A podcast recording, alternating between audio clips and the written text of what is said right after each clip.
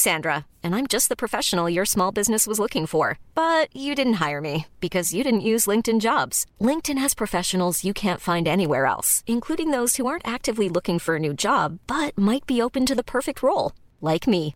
In a given month, over 70% of LinkedIn users don't visit other leading job sites. So if you're not looking on LinkedIn, you'll miss out on great candidates like Sandra. Start hiring professionals like a professional. Post your free job on linkedin.com/people today. Burrow is a furniture company known for timeless design and thoughtful construction and free shipping, and that extends to their outdoor collection. Their outdoor furniture is built to withstand the elements, featuring rust-proof stainless steel hardware, weather-ready teak, and quick-dry foam cushions. For Memorial Day, get 15% off your Burrow purchase at burrow.com/acast and up to 25% off outdoor. That's up to 25% off outdoor furniture at burrow.com/acast. Even when we're on a budget, we still deserve nice things. Quince is a place to scoop up stunning high-end goods for 50 to 80% less than similar brands. They have buttery soft cashmere sweaters starting at $50, luxurious Italian leather bags, and so much more. Plus, Quince only works with factories that use safe, ethical, and responsible manufacturing. Get the high-end goods you'll love without the high price tag with Quince. Go to quince.com slash style for free shipping and 365 day returns.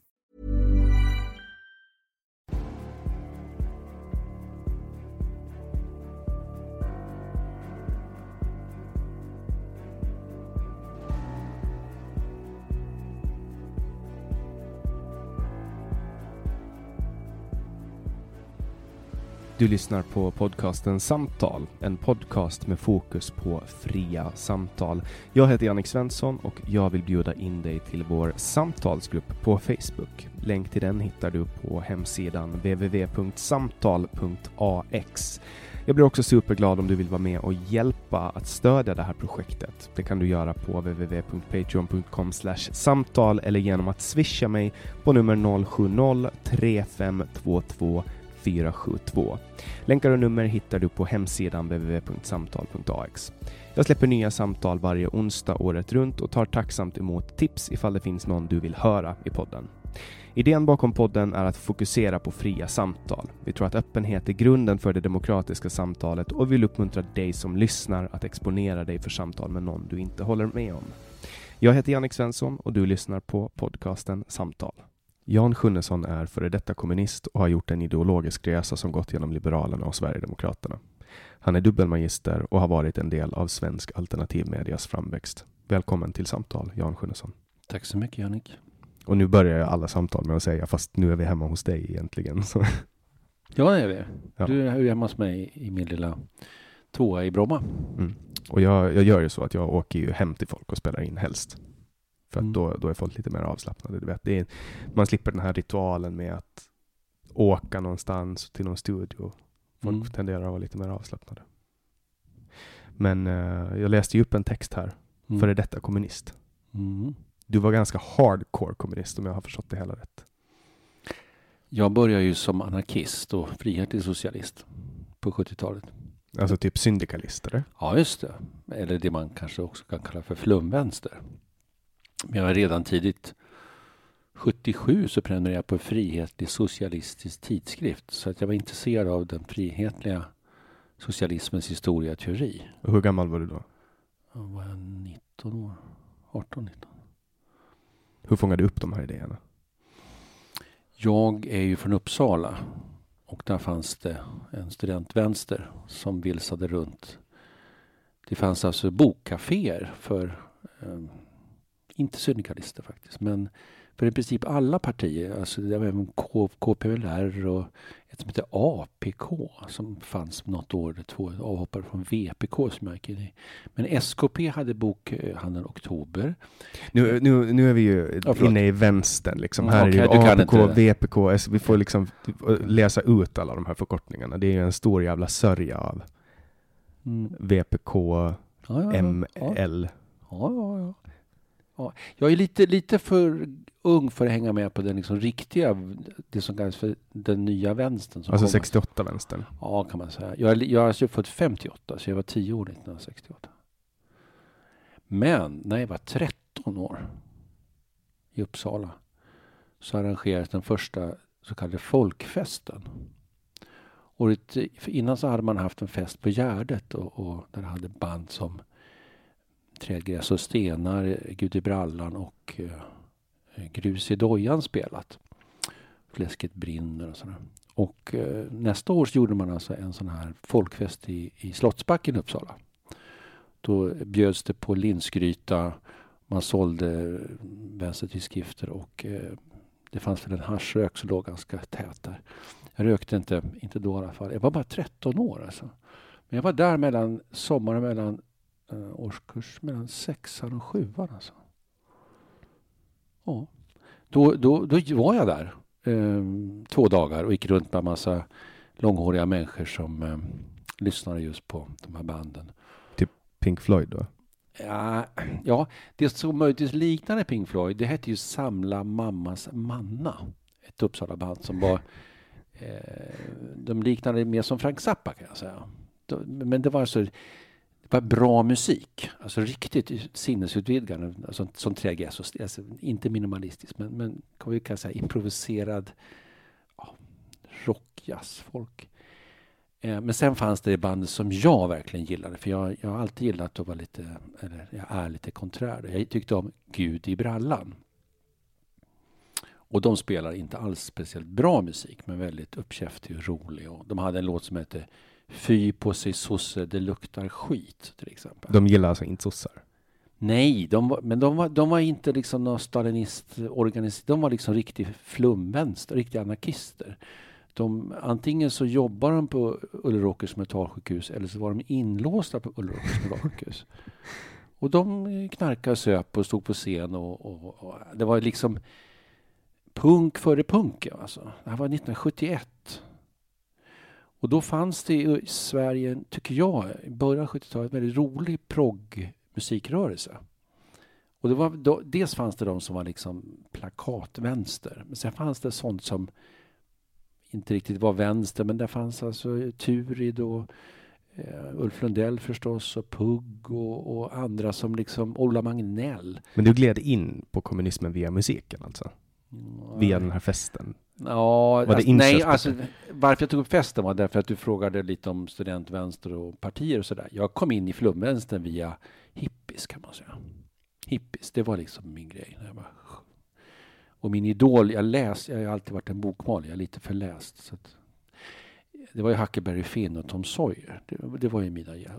Bilden oslagbar och två år i varje klass av Kardemumma och sånt där.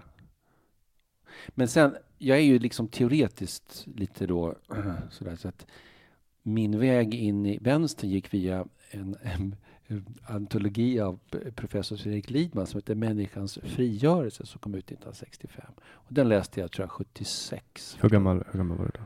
Då var jag 18 då. Och då blev du kommunist? Du, blev, du köpte de idéerna? Nej men alltså jag var ju och är då en intellektuell person. Och om man är intellektuellt lagd mitten av 70-talet om man liksom vill förstå historien och, och, politisk teori och människor och sådär, psykologi till viss del, men framförallt kanske politisk teori och historia. Då fanns det, in, då fanns, då fanns det inte så mycket mer än att gå runt bland vänsterbokhandlarna och titta på olika liksom, marxistiska riktningar. Det fanns ingen höger, ingen... Jag vet, nu vet jag liksom att Hayek och Friedman och massa intressanta, fick till och med Nobelpris på 70-talet, men det fanns ju ingen borgerlig, alltså mina föräldrar var ju medelklass. Och först bodde vi i radhus och sen bodde vi i en villa och min pappa var småföretagare. Men, men det fanns ingen borgerlig intellektuell... Alltså var man intresserad av att få en förklaring på världen, om man var lite sökare, vilket jag är då. ja, då var vänstern där och erbjöd allting. Det var liksom, hade det här varit på 20-talet hade vi kanske kristen eller kanske högerkonservativ eller sånt där. För att jag var jag, jag ville ha förklaringar och det fanns ett smörgåsbord. Och du köpte liksom den här paketlösningen? Att det är planekonomi? Nej, nej, nej, nu, nu, nu får vi... Jannik, jag var och är frihetlig.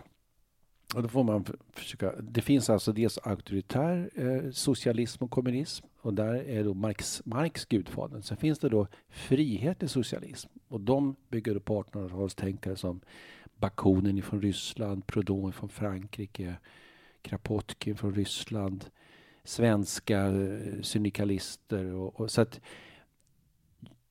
och sen då maj 68. Du nämnde det. Mm. Och maj 68 var väldigt mycket en reaktion mot den sovjetiska och kinesiska och stelbenta byråkratiska eh, socialismen. Så att um, jag förstod redan ja, 77-78 skillnaden mellan auktoritär socialism och frihetlig socialism. Så att jag, jag tillhörde en, en ganska liten, men Johan Lönnroth tillhörde dem också faktiskt.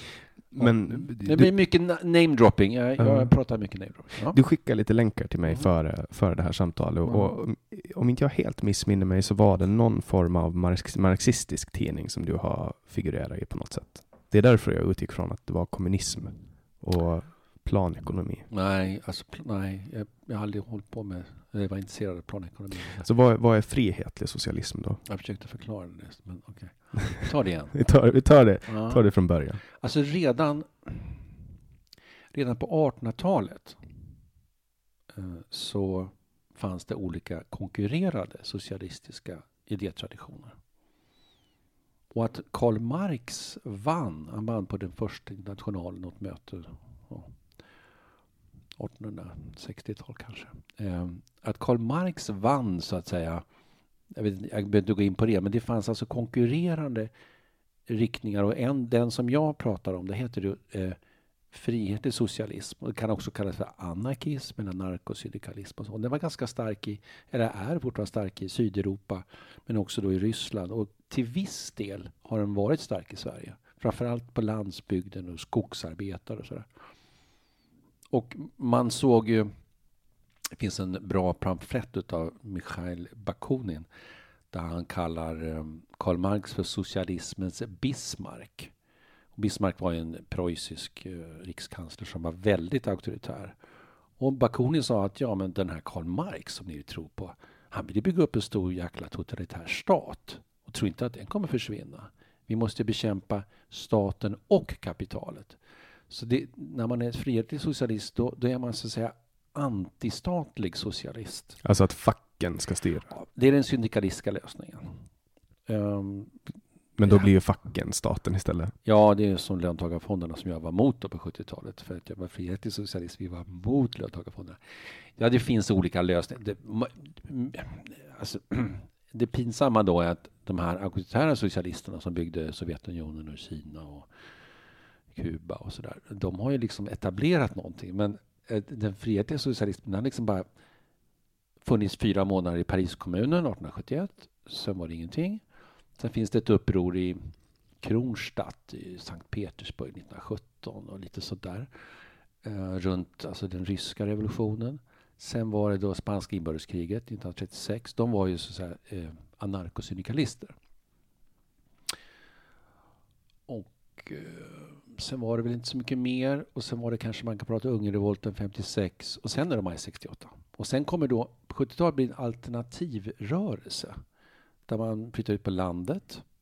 Man bygger kollektivjordbruk, man startar musikgrupper och musikförlag. Man bygger upp liksom alternativ till det här tråkiga industrisamhället med, med löneslaveri och sådär.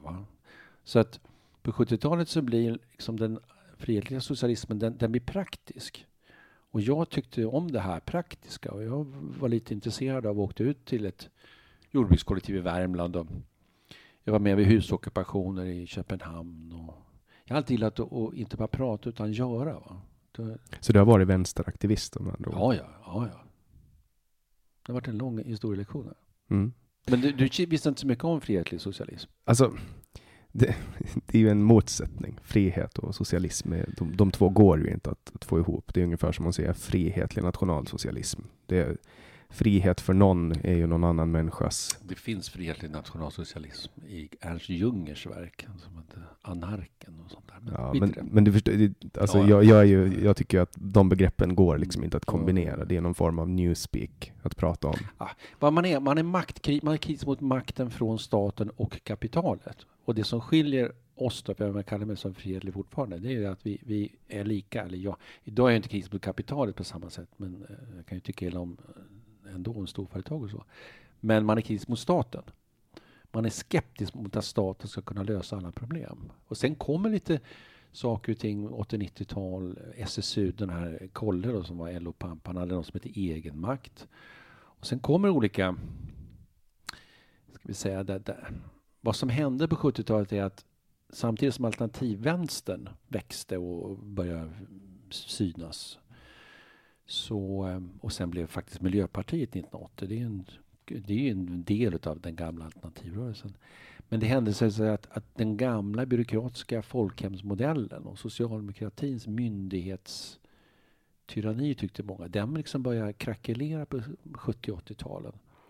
Och sen får en nyliberal, som också är en, kan man säga, en frihetlig variant utav liberalismen då, alltså libertarianer. Va?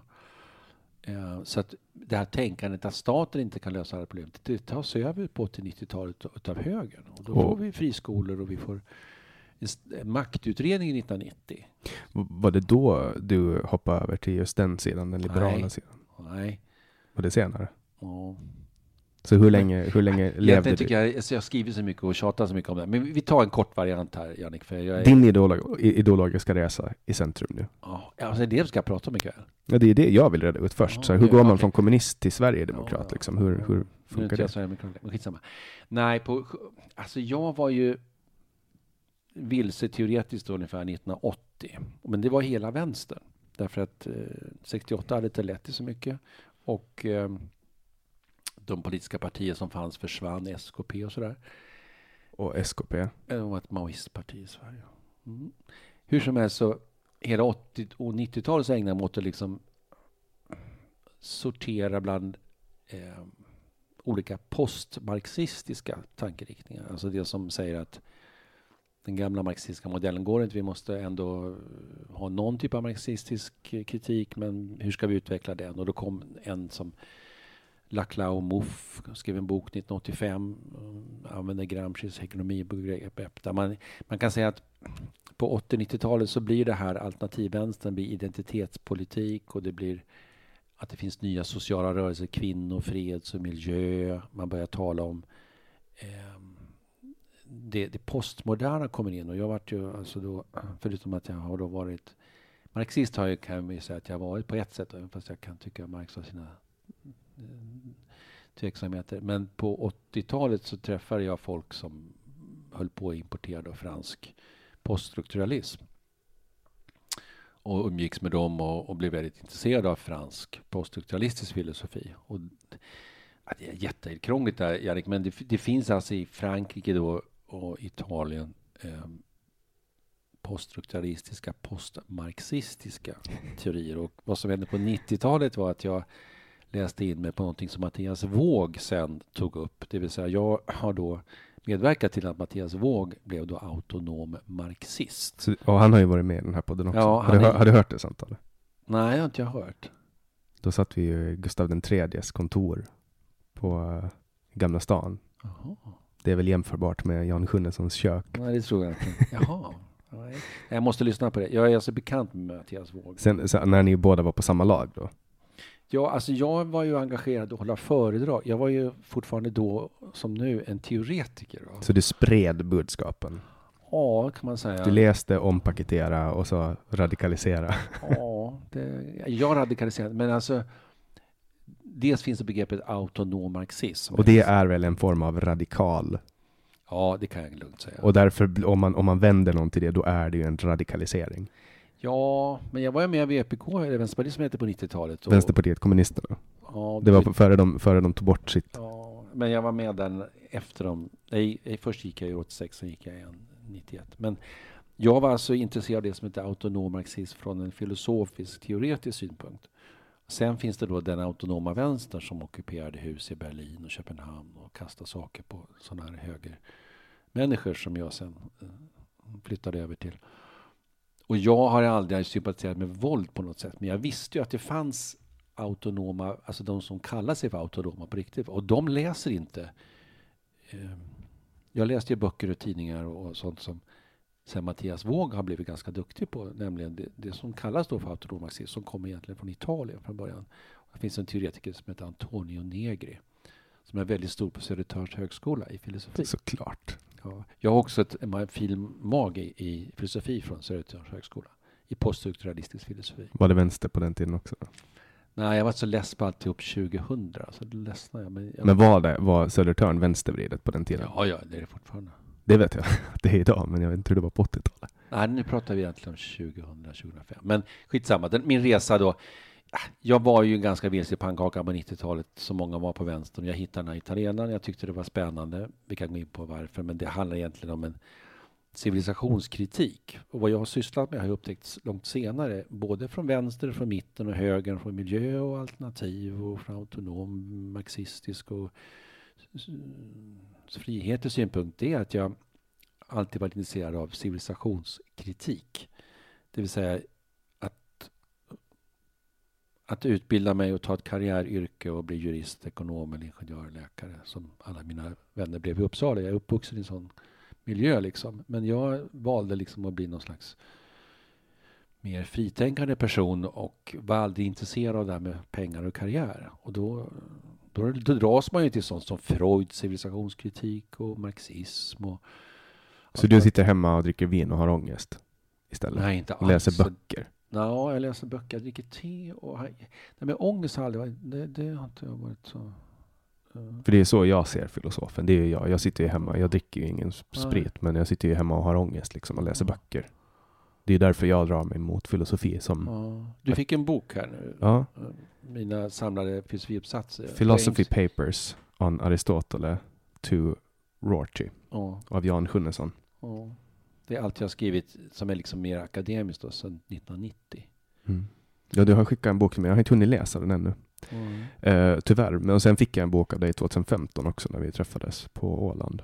Ja, Jag och Jannica har alltså träffat på Åland när jag var där på uppdrag av Apixlat eh, för att göra reportage om åländsk demokrati och det åländska valet. Mm. Då fick du en bok av mig och du hade på dig kavaj och slips och du var, jag kommer ihåg, du var väldigt så liberal och vi hade diskussioner. Jag var med på den åländska demokratins sida då, som inte ville ha några flyktingar och eh, var lite sura på Finland som hade sån här med sig svensk vänsterliberal inriktning. Då. Mm. Och det här var ju innan jag fick mitt, vad ska man säga, mitt riktiga politiska uppvaknande.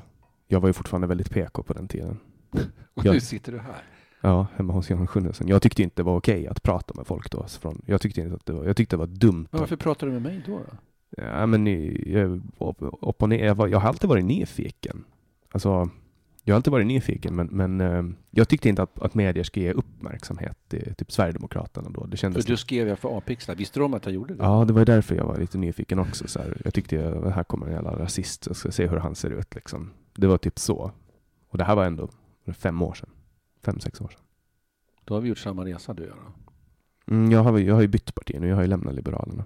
Mhm. Så nu har jag bytt till ett parti som heter Obunden Samling. Mhm. Som ganska borgerligt, liberal, konservativa. Kanske som medborgarsamling i Sverige. Jag tror att det är så nära man kan komma um, Medborgerlig Samling på Åland än Obunden Samling. Jag är ju med i medborgerlig samling. Jag har gått ur Sverigedemokraterna för ett år sedan. Hur, när gick du med i Sverigedemokraterna då? 2013. Vad var det som, och då gick du ganska snabbt från vänster. Nej, nej, nej. Jag är så less på mig själv. Jag gick ju i Vänsterpartiet 2000. Mm. 2007 gick jag in i Folkpartiet och var där i fem år. För jag hade blivit övertygad mer liberal kan vi säga. Jag behöver inte gå in på vilken typ av liberal. Men jag läste Johan Norberg och Mattias Svensson och Ayn Rand och sånt där. Mm, libertarian. Då. Ja, jag var nog mer libertarian. Eftersom jag var frihetlig så var det väldigt lätt för mig. Och, Mattias har ju varit med i den här podden. Ja, Och Johan Norberg ja. kommer förhoppningsvis att Okej, vara med. Ja, jag är bekant med dem. Men eh, eftersom jag var frihet till vänster så var det inget svårt att bli frihet till liberal eller frihet till höger, kalla vad du vill. Jag är nog frihetlig. Men eh, så jag gick in med vår samling för ett år sedan. Okej. Jag var med Sverigedemokraterna från 13 till 19. då. Jag var med här i Stockholm. Jag blev lite besviken på avdelningen i Stockholm. Och sen gick jag ju till DN och berättade för dem hur illa det, det här redaktörsuppdraget jag hade för samtiden var skött. då. Det var väl kanske inte så populärt. Ja, vad, vad, vad, vad var hela den härvan? Du började jobba för Avpixlat när det kom. Nej, de blandar ihop sak, två saker. Det finns dels en... Okej, vi börjar så här. Jag ställer en fråga rakt av. Mm. Hur kom du in i alternativa mediesvängen? Det var via um, att jag naturligtvis läste. Jag började skriva på något som heter Newsmill 2011. Och sen eh, pratade jag med några intressanta kallar de för debattörer och forskare. Jan Tullberg, Karl Arnsberg, Gunnar Sandelin som är mina vänner idag. Jag Pratade med dem 2012, 2013 och eftersom jag var teoretiskt lagd så förstod jag att det är inte bara liksom skinheads som står på torg och, och skriker utan det kanske finns några människor som har tänkt kring det här. Och det upptäckte jag, för Gunnar, jag och Rolf Hillegren, och Lars Bern och Jan Tullberg, vi skrev alla på Newsmill. Newsmill var Bonnierdrivet. Och där fanns Sakine Madon och där fanns PM Nilsson som var redaktörer. Lite friska fläktar och de tyckte liksom Ja, man kan skriva om motsättning mellan invandring och välfärd. Det skrev jag ett antal artiklar om. Alltså att man kan inte både ha en generös välfärdsstat och en stor invandring. Man måste liksom välja. Va? Det var nästan lite som kanske Centerpartiet tänkte sig. Men via dem då. Sen kom jag in då via Chang Frick som jag träffade någon gång 2013 när han precis hade börjat med Nyheter Idag. Och sen fick jag det här. Jag skrev aldrig för APIC som jag visste de fanns. Men jag, jag läste ju aldrig egentligen de här liksom skräniga tidningarna. Jag, jag läser ju inte liksom sånt som är alltför skränigt. Men 2014 fick jag uppdraget då av Martin Kinnunen och Mattias Karlsson och eh, jobbade då med Erik Almqvist som satt i Budapest. Och då skulle jag fronta deras webbtidning samtidigt. Jag ansvarig utgivare och redaktör. Och det var alltså Sverigedemokraternas officiella Ja, partitidning? precis. Och hur länge gjorde du det? Från januari till ja, februari eh, 2015. Och det var sånt taskigt upplägg eftersom Erik satt i, i Budapest och styrde vad jag skulle skriva och publicera i den tidningen jag var ansvarig utgivare för, redaktör för.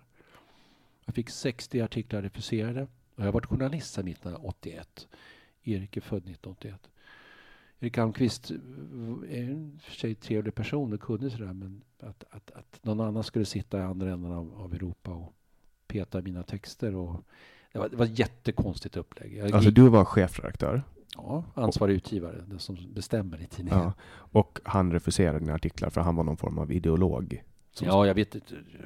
Jag fick aldrig någon, det, det var så usel kommunikation, jag fick aldrig någon motivering. Vi, Vad var det för slags artiklar han refuserade? sånt som recensioner, debattartiklar och reportage. Och jag åkte ut i Rinkeby och träffade Fatima Dobakil till exempel. En riktig sån där eh, islamisthäxa och skallerorm. Hon som sen eh, anmälde soffan i Göteborg ja, för eh, förtal.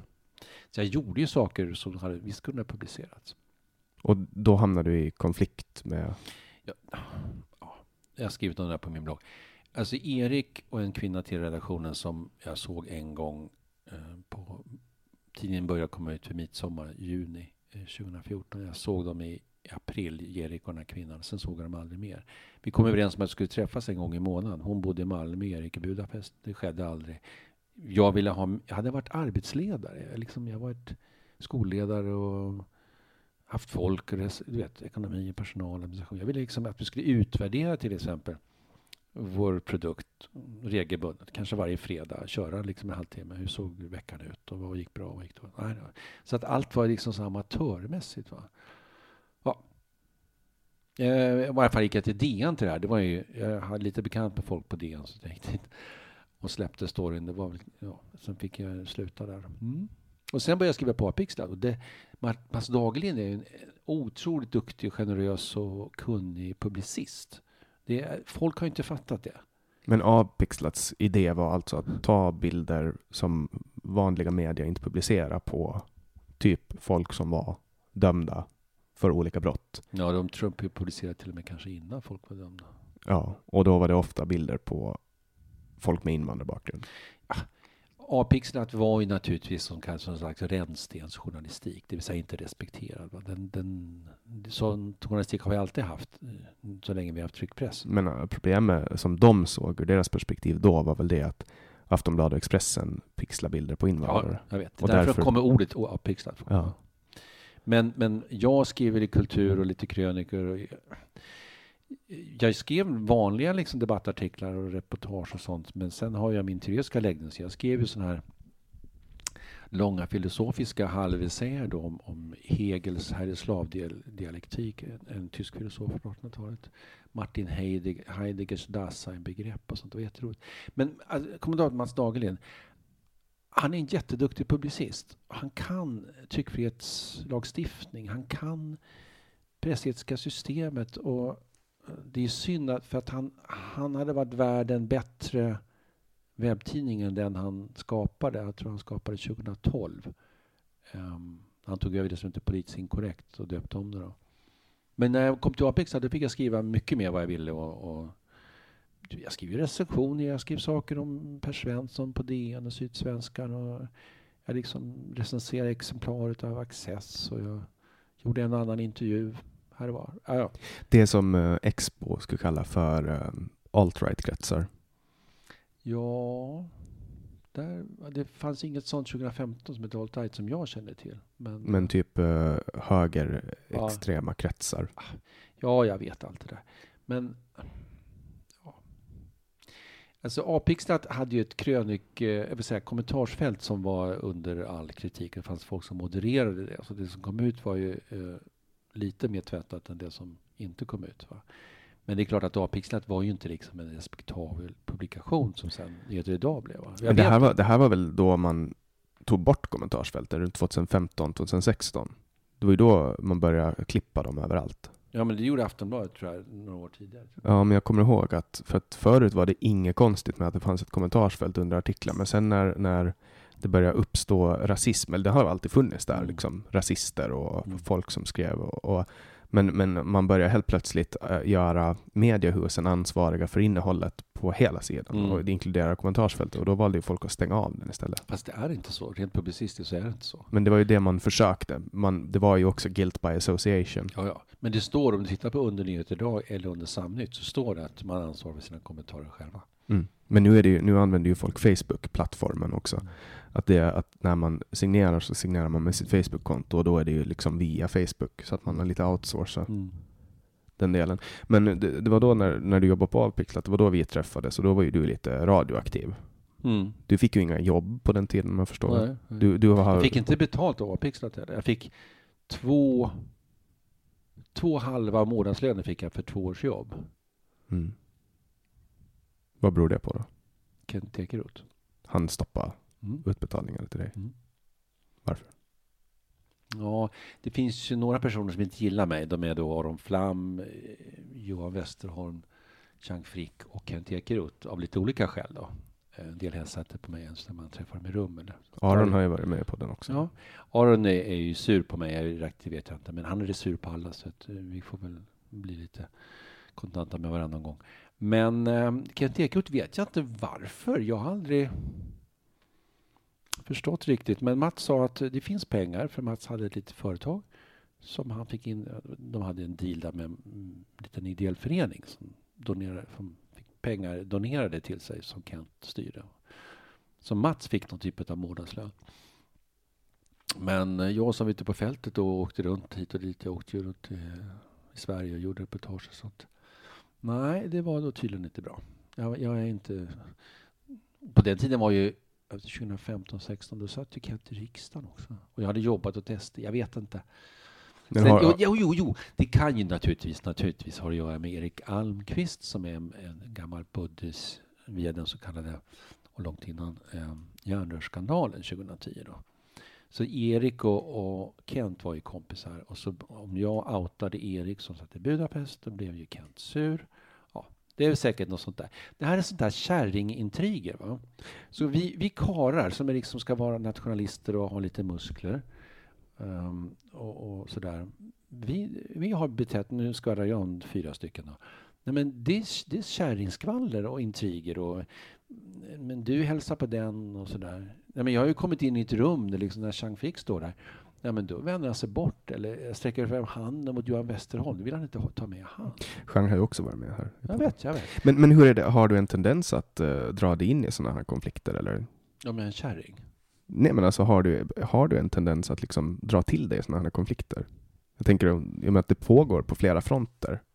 Nej, men den här interna interna maktkampen inom eh, av vårt läger då. Du kan dra in eh, Ingrid Carlqvist där också om du vill, som jag skrev för några år sedan att hon var antisemit, vilket jag naturligtvis står fast vid, men man kan ju hälsa på varandra, vilket vi gjorde för några veckor sedan. Um, alltså på något sätt har det funnits en, en det fanns ju liksom krigar om läsare och webbtrafik och sådär. Va? Och då var, ju Chang och Nyheter Idag segrande ur den striden. Va? Så att jag tror under de åren så var det också att Sen fanns Nya Tider och Fria Tider, men det var ingen som brydde sig om dem. Men vad har Johan Westerholm och ledarsidorna med det här att göra? Ja, alltså hela det här, ja, Johan Westerholm vet jag inte varför han inte gillar mig, men jag tror att det till viss del har handlat om krig om du vet, respekt, tillgång till eh, vem som känner vem på svenskans ledarsida eller alltså bli inbjuden eller kunna få, få vistas i vissa sammanhang och, och sen naturligtvis webbtrafik och tittarsiffror och sådär. Så, att, mm, så blir det, men, men det har blivit en, och det har blivit en Alltså det är så jävla larvigt. Va? Så att Mats Dagerlind pratar ju inte med Vavra Suk. Uh, uh, ska vi se. Chang pratar inte med Mats Dagerlind. Mats Dagerlind pratar inte med Chang. Ingen pratar med Fria Tider. Ingen vet vem de är nästan. Och, så och liksom... ingen pratar med dig? Förutom Mats Dagerlind? Ja. och jag. ja, jag är ju ganska trevlig och, och, kan sitta och prata i mitt kök och, och, och ta en, både en öl och en kopp kaffe med folk.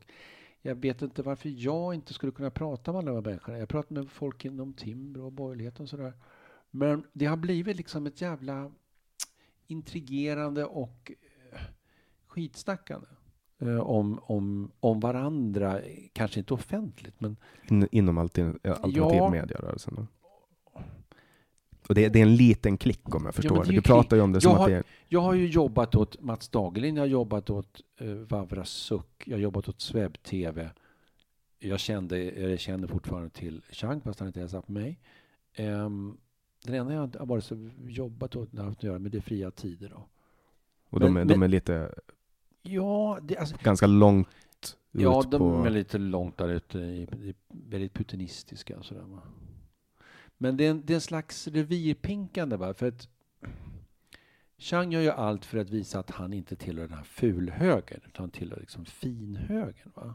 De som umgås med, eller med de som eh, finns på, eller fanns kanske på svenska redaktioner, blir inbjuden till medieseminarier. Låter som jag är avundsjuk och så.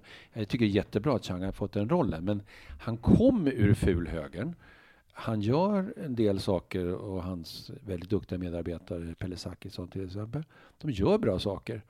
Eh, som har den här liksom invandringskritiska och man hänger ut folk kan du kalla det för. Och så, så att han vill spela i båda lägen men han vill inte säga liksom att han tillhör alternativ.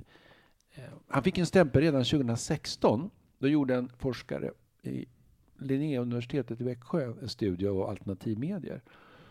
Och då liksom gick han igenom de här som jag nämnde nu. Va? Och då kommer han fram till att nyheter idag, de är inte som de andra, de är bättre.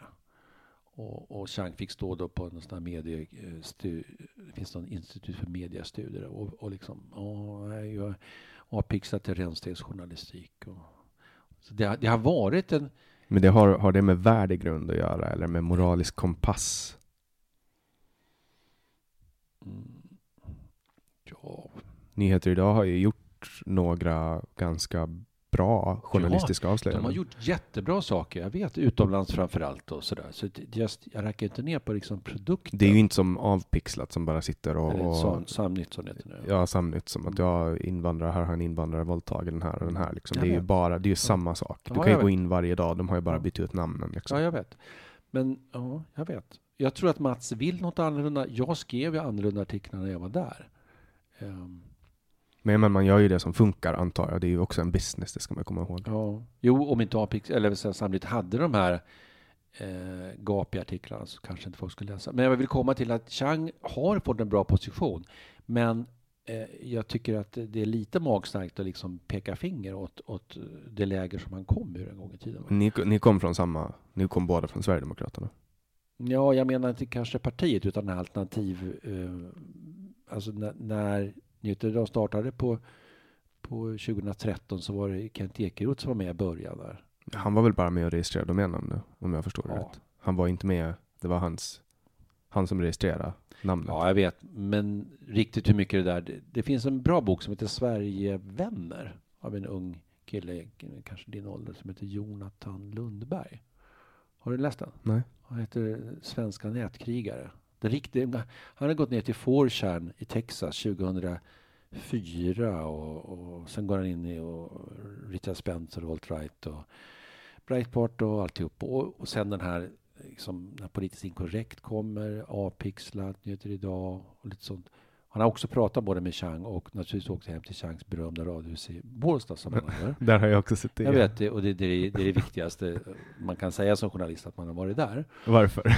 Jo, men det visar att man liksom, oj, han har blöjor på golvet och hans fru står och diskar. Och så. Men exakt, du har inte ens hört det samtalet. Men... Jo, det är klart jag hör. Du har hört det? Okej, med Ja, mig och han? Jag hörde, jag hörde dig berätta om det. Okej, ja. Eh, Med den här Niklas. här. Fan, det verkar ju som en chans som att alla har samma, alla har fått samma Ja, men skämt. det, Fokus åker dit. Hon som skrev en jättebra bok om Chang och, och eh, som heter då Eh, Elsa Norman, eh. eh, Swedens Dark eh, Stories. Ja, Norell, no, Kajsa Norman. Ka- Kajsa Nor-. Norman. Norman, så, Ja. så är det. Ja. Hon eh, har ju också där va? Och, och, Men, och, han drar ju också samma, det, det, det var någon men som... det är samma story. Samma skämt också det där Jag med vet. att han är både jude och Jag zigenare så jag han vet inte om han ska pruta eller Och det, här, det hörde jag för liksom Han har också suttit i mitt kök för sju, sex, sju år sedan och dragit exakt om det. Han är gammal skrothandlare också brukar han berätta om. Han sålde skrot. Ja, och att han jobbar på el, att han jobbar med starkström. Mm. Nej, men jag kan de där och det, det är bara att gratulera Chang att han vann det här liksom att, att bli citerad av Per Gudmundsson på Svenska Dagbladet och, och allt det där. Va? Det, det, Men han är ju fortfarande smutsig och radioaktiv enligt PK. Eh, Ja. eh, Glasögonen liksom. Jo, jag vet. Men ehm, han kommer ur samma läger som jag och är det någon som liksom förutom då Chang som liksom har, har gjort ett bra jobb så tycker jag liksom Mats Dagerlind.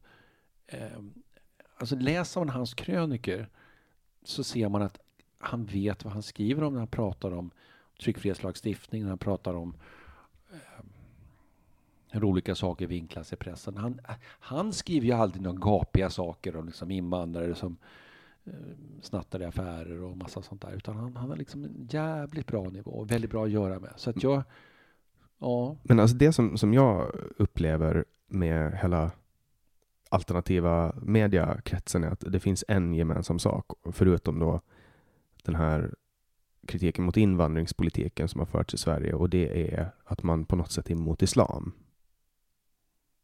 ja, det har ju kommit lite sent tycker jag. Men, men så är det. För du är kritisk till islam. Ja, ja, jag har ju varit en del, jag skriver på Dispatch International som också var en del av county-rörelsen i Sverige. Och det har ju åtminstone enligt typ inte rasistmän och Expo klassas som Mm. en ganska extrem sajt. Högerextrem sajt, Dispatch Mm. International. Ja, jag vet. Jag vet. Mm. Håller du med om det? Ehm, nej, inte extrem, men naturligtvis, det var ju vinklar om vinklar. Men ta en sån som Douglas Murray som får sitta i BBC-soffor och intervjuats av Sky News och talat i Bryssel i EU-parlamentet. Jag är lite bekant med honom, jag, jag arrangerar föredrag med honom. Han skrev där 2013. Douglas Murray var i Stockholm för något år sedan och hans senaste bok översatt till svenska. Så att den positionen som Dispatch International hade för 6-7 år sedan är- ju inte så extrem idag. Men det är klart att jag vet att det, det, man använder ordet, det här fake-ordet islamofobi. Då. Men eh, kritik mot islam, var det någonting som du fann när du var en del av vänstern? Jo, jag förstod ju det eh, i och med Salman Rushdie och i och med eh, jag förstod ju det, men jag engagerade mig inte i det förrän någon gång 20, ja, för fem, 15 år sedan kanske. Jag har ju Men- bott i Indien och, och varit gift med en indiska och jag förstod ju mycket mer om islam och islams roll i Indien eh, när jag bodde där då. Men var det okej att kritisera islam när, när du var en del av vänstern? Ja, alltså det, hela liksom 70, 80, 90-talet kan jag inte påminna mig någon gång att man diskuterade islam. Det var väl Men det var, nej men det var, Israel-Palestina eh, ja som, jag vet, jag vet. det, det men- var väl där man drog igång hela liksom. Jo, Men då valde man ju, här i Sverige valde man ju Palestinas sida ganska jag snabbt. Nej men vänstern var ju kritisk mot religion, precis som Karl Marx talade om, religion opium för folket och man vill inte ha tillbaka en konservativ eh, medeltida uppfattning om kvinnor och sådana saker. Så att, eh, att vänstern att vänstern var kritisk mot islam, det var inget konstigt på 80-90-talet. Eh, så att det, jag tror att eh, det har ju funnits naturligtvis en pro-islamsk vänster, alltså Jan Guillou och Per Gahrton och, och en del andra av 70-talet. Men de, de var liksom nationalistisk. Det är sådana sekulära, alltså de som stod i Irak och Syrien och sådär. Ja, nu går vi in på lite utrikespolitiska saker. Ja. Men det var något jag skulle säga om alternativ media som jag glömde bort. Ja, men vi pratade om, om just islamof eller islamofobi nämnde du som, som begrepp där, men, men mm. alltså, kri alltså, kri alltså att vara kritisk mot islam mm. och prata om islamiseringen av mm. Sverige och mm. Isis-soldater och sådana saker. Det har ju varit ganska reserverat mm. Sverigedemokraterna. Ja, men det vet jag ju. Och din kritik mot islam, hur växte den fram? Ja, det, kom, det kom via, som du säger, Sverigedemokraterna och den här alternativmedierörelsen. Jag, jag träffade Inge Carlqvist som naturligtvis var en del av det Counter jag hade 2012. Och kan man säga det startade väl men då hade jag en uppfattning att det fanns en, liksom en skillnad mellan islam och islamism. Johan Westerholm försöker driva det också, och en del andra. Men och det, det är ju, alltså, islam är ju religionen medan islamism är den politiska ideologin. Ja, det sägs så, så är det till viss del. Men du kan inte vara bara muslim. Och det som står om religionen islam har effekter på politiskt och socialt liv framförallt, kanske inte bara politiskt. Men det finns ju sekulära muslimer. Ja, men då pratar vi om liksom sekulära muslimer som, som har eh, alltså som har sedvänjor och sådär. Men, men om vi pratar om troende muslimer så är då de är um, om de tror på det som står i haditen och Koranen så blir deras resultat i livet mycket mer det tar mycket mer uttryck. Ja, absolut, det, jag kan ju jämföra det med, med en, en, som jag jobbade med förut. Han steg upp klockan tre på natten mm. och bad ibland och när, när det var vissa sol, alltså solen. Ja, här, så. Men det gör ju troende buddister, tibetanska buddister, jag har själv varit intresserad av tibetansk buddhism, där går man också upp fyra på morgonen. Jo men om man tar det som exempel, han steg upp mm. sent på natten och mm. han åt väldigt spe speciellt och så. Um, och han läste jättemycket ur Koranen och så analysera. Och sen har jag en annan kompis då som är muslim som går en gång i veckan. Mm. Så går han och ber på fredag, då, fredagsbön. Och sen i övrigt så han dricker alkohol och ibland äter han gris och så, men han gör sitt bästa liksom. Mm. Att, att det, det, det, är ju i sig liksom in, att inte vara muslim bara för att man inte går upp på natten och ber. Mm. Sen finns det säkert de inom islam som anser att mm. den som bara går på fredagsbön inte är en riktig muslim. Mm. Men, men, men jag tror inte att man kan liksom...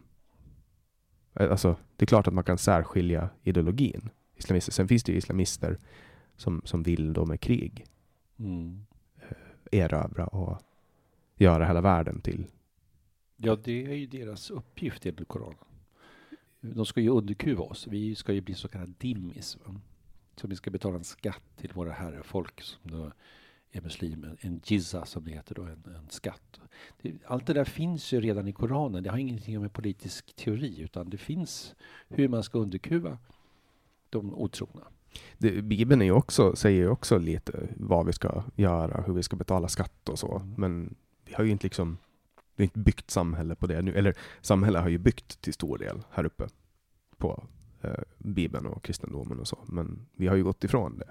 Ja, det här blir långt teologiskt, men det är så att Jesus sa ge kejsar vad kejsaren tillhör och vad Gud, vad Gud tillhör. Han, han gjorde en skillnad mellan kyrka och stat. Mm. Sen hade vi en reformation på 1500-talet. Så att, eh, som alla säger som vet något om islam, de, islam har inte genomgått en reformation. Mm. Men, eh, Tror du det är dags då? Skulle, skulle världen kunna leva i fred eh, om, om alla religioner reformera? Ja, jag vet inte vad jag ska säga. Det, islam är ju mångfacetterat. Det finns shia och sunni. Det finns en liten, liten sekt som heter sufis. Um, Ahmadiyya, eller vad heter de i Pakistan. Um, vad det gäller att kuva den från de här sunni-muslimska eh, riktningarna så att de liksom hålls på mattan. Det är de som är lite mer hardcore, eller? Ja, det kan man ju säga. Sen i och för sig Shia då finns i Iran, men Shia har inte varit lika missionerande och lika expansiva som, som Sunni. Men eh, ja. Eh, Jag har faktiskt, jag drar mig Mm. faktiskt till minne nu att jag har eh, läst eh, bitar ur en bok som du skrev, mhm, en, din roman. mhm. Och den har ju med islamistisk terror att göra. Ja, just det. Det minns som heter. Framtidsmannen. Ja. Exakt, som på Bromma. Mm. Det är någon person som stoppar avvärjen och terrorhot. Mm. Det kom till mig nu, det minnet. Ja. Ehm, jag har plockat upp det. Jag vet fan var jag har plockat upp den, men Mm. Jag skrev den 2014. Och den är lite konstig på det sättet att jag skrev det därför att jag förutsåg en del saker som händer, eh, som har hänt. För den utspelar sig närmsta ja, 2014 kan man säga fram till 2023. Va?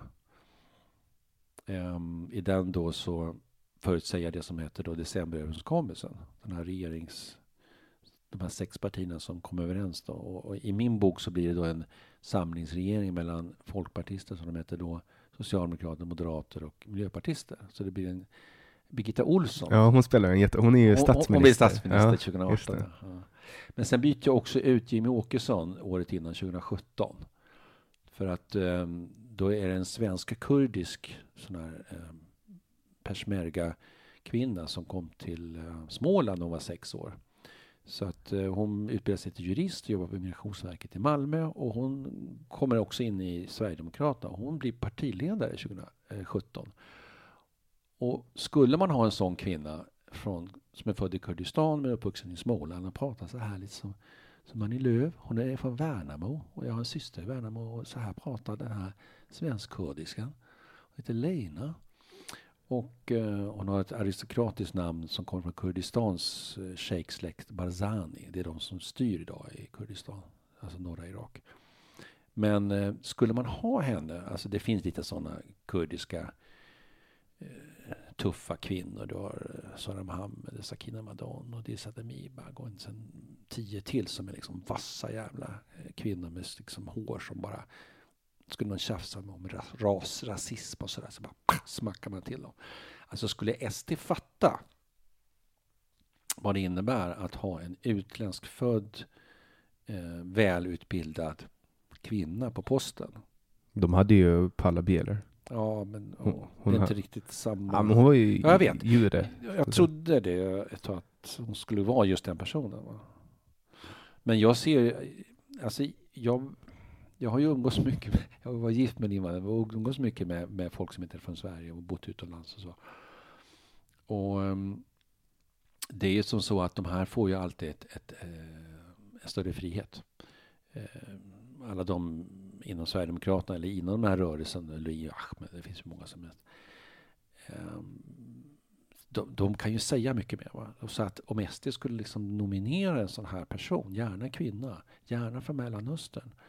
Eh, Jag har inte sett någon idag, men alltså i min Det bok kan ju vara för att i, i, min kvinnor... så kvinnor blir hon, I min bok så blir hon statsminister om två år, 2022. va? Och då blir det en statsministerledd, eller SD-ledd eh, regering där Moderaterna och Socialdemokraterna eh, ingår i regeringen, men de är mindre. Men tyvärr måste det ske ett politiskt mord. Va? Så att jag tar livet av, av en person som har nadraget av mig då, och han, ja, han avrättas då. Just det, för det, det kommer jag ihåg att jag, jag noterade att Mm. den här, och det var huvudpersonen eller? Mm, det är han som är framtidsmannen. Ja, och det, det är du.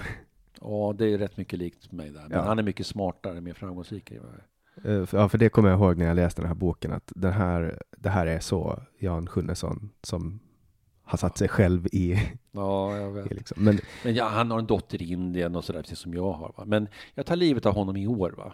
Och jag det, Men du, du förutspådde inte januariöverenskommelsen och pandemin? Nej, det gjorde jag inte.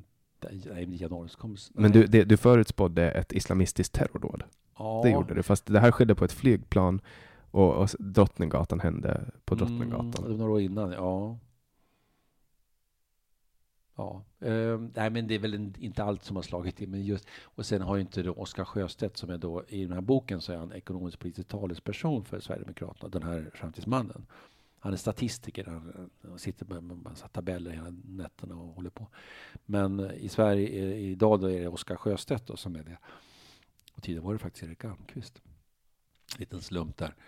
Eh, Oskar har ju bläddrat i den här boken och tyckte att det var lite jobbigt. Och han, han blev halshuggen ute i, Rinkeby utav jihadister. Då.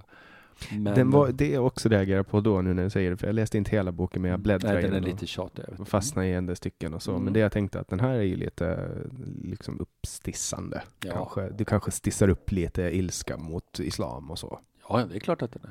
För den Jag var är ju- islamkritiker, jag har inget problem med det. mm, Jag kallar mig för county-jihadist. alltså anti-jihadist. Ja, det är det normala, att man är anti. Anti någonting. Ja, men anti... Eh, alltså jag tillhör ju den här Då är du rörelsen. också antirasist då eller?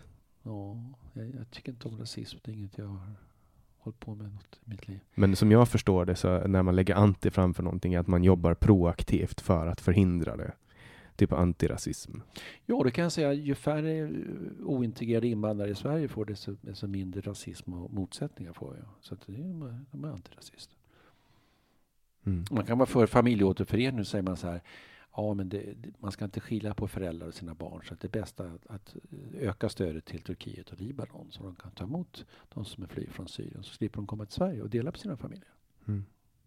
Ja, alltså invandringspolitiken det är väl någonting som Ja. du är främst, alltså som folk känner, tänker på när de tänker på Jan Sjönsson. Ja, jag tror det kan vara så. men, Men det, det, det har inte jag hållit på med liksom förrän, ja, kanske, ja, sista, sista tio åren då förstås. Men, men det måste ju vara trött att prata. jag är Alltså, jättetrött på det. Ja. Jag, jag, sk- jag tänker så, ska jag vara sverigedemokrat? Fy fan, jag skulle inte orka med mig Nej, jag. Prata om samma grej hela tiden. Jag Men nu, nu när också Moderaterna och Socialdemokraterna pratar om det. Mm. Det Vi, pratade, vi växlade några ord om det innan. Du sa att eh, nu när, Sverige, när, när Moderaterna börjar prata om begränsa invandringen, då måste Sverigedemokraterna prata om återvandring. Mm. Men ska- har ju AFS redan. Ja, men vad ska AFS prata om då? Ja, prata om- typ utrotningsläger Ja, eller? just det. Ja, vad ska NMR prata om då? då? Ja, nej, men de är väl nöjda? Alltså, Ja, men om, om AFS börjar prata om utrotningsläger och NMR har ju någon som heter Nordfront och de har skrivit om mig som rasblandare och jag har ju en jättevacker dotter ihop med en indisk kvinna jag var gift med. de Så- kallar det för rasblandare. Ja, just det. Och sen har jag ju haft Pride-parad i, i Tensta och sådär och då kallar de mig för ja, bög och, och sånt där.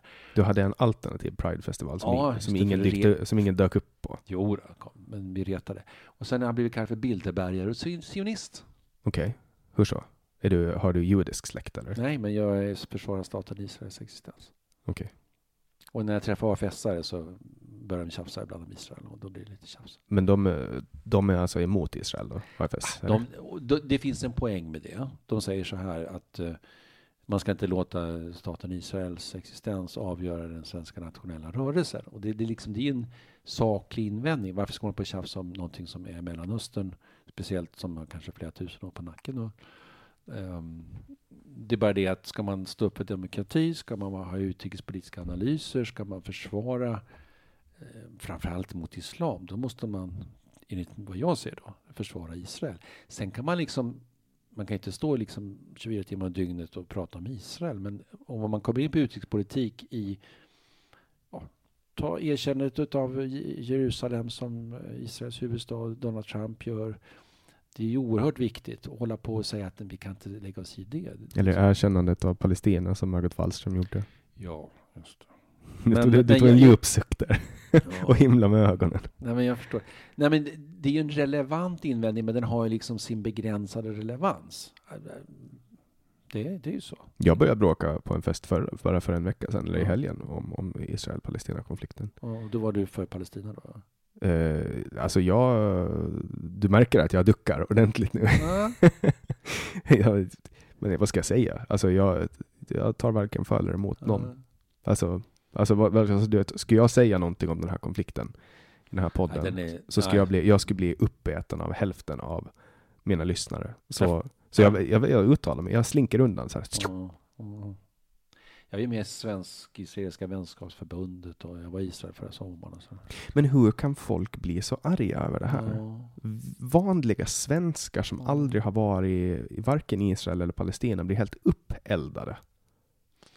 Jag tror att det, det är precis som Vietnam, det är slags symboliskt. Va? Alltså, du investerar en massa känslor och, och ditt själv, för, för din självuppfattning i, i en fråga. I det här fallet eh, liksom Nordvietnam 1954. Och, alltså, om du tittar på Vietnam.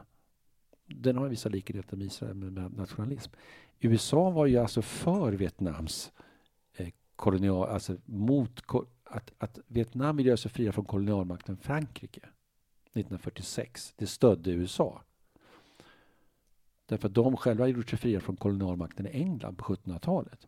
Så att analysen från USA fram till Dien Bien Phu 1954 då, det var ju det att, att nej men det är klart vi ska stödja de här frihetsälskande vietnameserna som göra sig av med en europeisk eh, kolonialmakt. Va? Så de bombade sönder dem på 60-talet? Ja, men alltså är det något land som man ska prata skit om i utrikespolitik så är det Frankrike. För de, de är liksom de är så smutsiga. De, liksom, de, de dealar med, med Saddam Hussein. De, de, de håller på med Ryssland 70 80-talet. De håller på med Syrien. De håller på med Libanon. De är inte vackra. Det men vi kan ju inte kritisera dem. De har ju världens eh, kulturella huvudstad och kärlekens huvudstad. Ja. Vi kan ju inte säga någonting allt om Frankrike nu. Ja, men hur de, alltså tittar man på britter, skillnaden mellan hur britter och fransmän betett sig till kolonialstater eh, som de har eh, invaderat och tagit över så har fransmännen alltid betett sig värre. Mm. Men Sverige är ju inte heller några jättesnälla. Alltså kolla på jag, vapenexport och så vidare. Jag tänkte när vi koloniserade Finland, för du är ju faktiskt ålänning. Och mm. Så vi har ju koloniserat er i 500 år. Jo, men vi Vad har säger du om det? Nej, men det är ju alltså min eh, farfars mamma föddes ju i Ryssland då, på Åland, när det var rysk. Ja, Storfurstendöme, just det. Ja, och, fick du Italien fick ni er frihet. Ja, och så att vi har ju, men vi har ju alltid varit ålänningar. Så när vi har varit ryssar, när vi var fin, nu när vi, är, fin, när vi tillhör republiken Finland mm. så är vi ålänningar. Mm. När vi tillhörde storfurstendömet Ryssland, mm. då var vi ålänningar. Och mm. när vi tillhörde monarkin Sverige, då var vi ålänningar. Mm. Så vi har varit ålänningar under tre olika flaggor. Och du är stolt ålänning? Det är absolut. Jag tycker stolt. det är otroligt att Åland har den statusen den har. Det kallas ju inte för nationalism utan för lokal patriotism ja. när, man är, när man är, känner nationalism gentemot Åland. Och ni är 60 000 invånare. Ni 30 000. Har, och ni har 22 partier och sånt där? Nej, nej vi har eh, sju, sex partier, sju partier. Ja. Du hade, du hade dubbla, multiplicerade några gånger där, men nästan. Okay. Så vi har, jag så, var ju där och försökte begripa. Det, det, var helt otroligt. Jag var där den där helgen. Och... Ja, nej, du kommer precis i slutet när alla bara eh, knäppa. Man blir ju knäpp före ett val. Men vi har Socialdemokraterna. Berusade, ja, berusade också, ja. Vi har Socialdemok Rypen. Vadå? Rypen. Rypen. Det är finska, jag kan inte finska. Inte jag heller. Jag kan finska, så jag. Du kan finska? Mina ollen rypenort. Jag har supit. Jaha, ja. Um... Mina viini. Det låter inte som att du kan finska, okay. för ditt uttal är lite sådär. Du, du, har förbättringspotential. Men de partier vi har i alla fall, det är Socialdemokraterna, Liberalerna, Centern, Ålands framtid, Obunden samling och Ålands demokrati. Och sen Hållbart initiativ. Så det är sju stycken. Mm. Jag tror, jag tror På 30 000 personer? Ja. Och sen har ni massa kommuner. Det var det jag kom jag, 16 kommuner. Det var, där, det var där jag kom in med mm. sexan. Ni har alltså 16 kommuner, 30 000 personer och ja. sju partier. Ja, det, går, det faller ju helt i enlighet med subsidiaritetsprincipen. Nej, men ni måste ha små liksom, klanvälden då, på liksom 60 personer på den ön, Klan, klaner 200 ju... på den och alla heter Svensson och Inavel eller så? Eller? Ja, det, de flesta heter Mattsson, men, men sen är det alltså Klan, klanstrukturer, det är någonting helt annat. Där, där får jag hänvisa till, till Per Brinkemo och samtalet jag hade med honom i somras. Han har ju fått, han har ju fått sin redemption nu mm. i svensk media. Han, först blev han ju uthängd som, som mm, nazist och sen nu har han fått. Uh, och det är också ganska intressant för den som vill kolla upp det. Men Åland har ju, alltså subsidiaritetsprincipen stipulerar att beslut på politisk nivå ska fattas så nära medborgaren som möjligt. Mm. Hur mycket bättre kan det bli än att en kommun på 300 personer fattar ett beslut? Ja, alltså du förstår. Det, ja. Sen är det ju såklart jättesvårt med förvaltning, mm. att få ekonomin att funka. Uh, och så. Och där får man ju ja, vi står ju inför stora utmaningar när det kommer till att sköta förvaltning på ett sätt och se till att alla får samma. Det, det finns ju lagar då på högre nivå som säger att man ska ha lika, vår, alltså lika möjligheter till skola i alla kommuner och så vidare. Men jag tror att framtiden för med sig mycket innovationer som kommer att lösa det här automatiskt. Det kommer att vara en icke-fråga Mm. i framtiden. Men i så mångt och mycket så tycker jag det är bra att man kan sköta närdemokrati på det sättet som det görs på Åland. Men då kommer ju det här stora problemet att man ska orka. Du vet, Mm. det är svårt att få folk att ställa upp i kommunfullmäktige och i vissa kommuner räcker det med att man ställer upp i kommunfullmäktige så kommer man in. Alltså du vet Ja, så. Ja, så att, svårt att tillsätta nämnder och, och sånt. Men, men eh, även närdemokrati har sina problem. Jag tycker det är bättre än när det är så i stor demokrati. Liksom. Det finns ju kommuner i Sverige som har, som har fullmäktige som är tio gånger större än vårt parlament, lagtinget. Mm. Jag menar. Så att, utanför Stockholm, Huddinge, så här, 120 000. mm. Men du, innan det här samtalet så tänkte jag på två ämnen. Berätta. Det ena lite kort, kanske andra lite längre. På hur mycket du frågar. Det, det, var- jag lyssnade på dig och Niklas Hermansson, hette han så? Ja. Det var ett väldigt bra samtal. Och du, som jag berättade för dig så eh, Jannik intervjuaren skulle prata med Niklas och efter tio minuter så eh, intervjuade Niklas Hermansson dig. Och du berättar om ditt liv och vad du tänker på. Han ställer väldigt bra frågor men, men det var ju verklig podd där. Liksom. Ja, det, var ju en, det var ju en journalistskada. Han bara hoppade in i journalistrollen. Ja, men det, det, var, det var väldigt intressant för att du, tog den här försvarsrollen, men det var inte det jag skulle säga utan vad du säger där, vilket eh, stämmer då, det är att Joe Rogan har gjort den här typen av poddsamtal som pågår liksom åtta timmar i någon källare någonstans och sen har den andra killen som heter Dave Rubin kanske. Och sen har då Navid Modiri tagit det här till Sverige och ställt upp två fina mickar som vi gör nu här i mitt kök och sen har då Jannik Svensson gjort det där. Och när du, när du berättar om det där, det låter som liksom, jaha, det är liksom sån här franchise. Men det finns flera avknoppningar. Det finns ju en finlandssvensk podd som heter Nyfika. Mm. Eh, där är en finländsk motsvarighet. Och nu finns det en kille som heter Patrik Zettergren som har startat en, en podd som heter Rubiks Kuba. Mm. Eh, och det är samma koncept. Så att det här bara liksom sprider sig vidare. Men och- min, min poäng Ja. Och att du är ju naturligtvis en begåvad poddare och sådär och du har hittat ett koncept. Men, och det, här är den korta frågan, den längre kommer sen. Den korta frågan.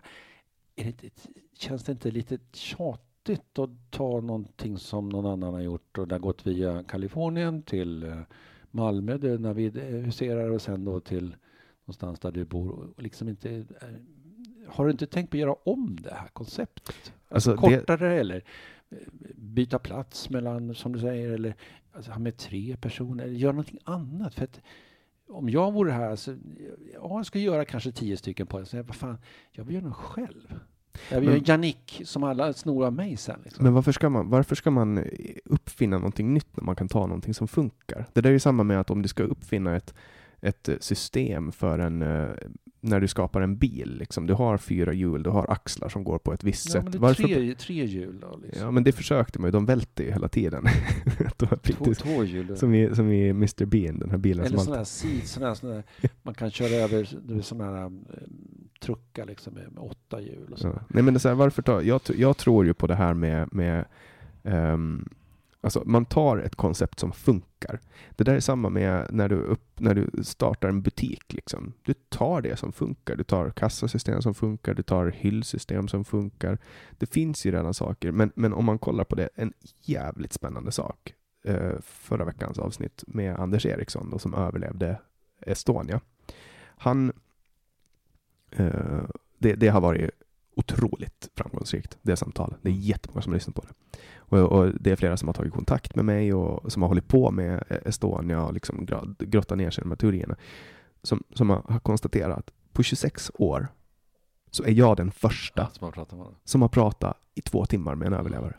De andra har bara ställt frågor som journalister och Exakt, därifrån. det är alltid så här kortformat, max Mm. 10 minuter. Mm. Det, det är så här, och på, 20, på 26 år, jag är 26 år, jag var nio månader gammal eller något sånt, 11, 10, när, när Estonia sjönk.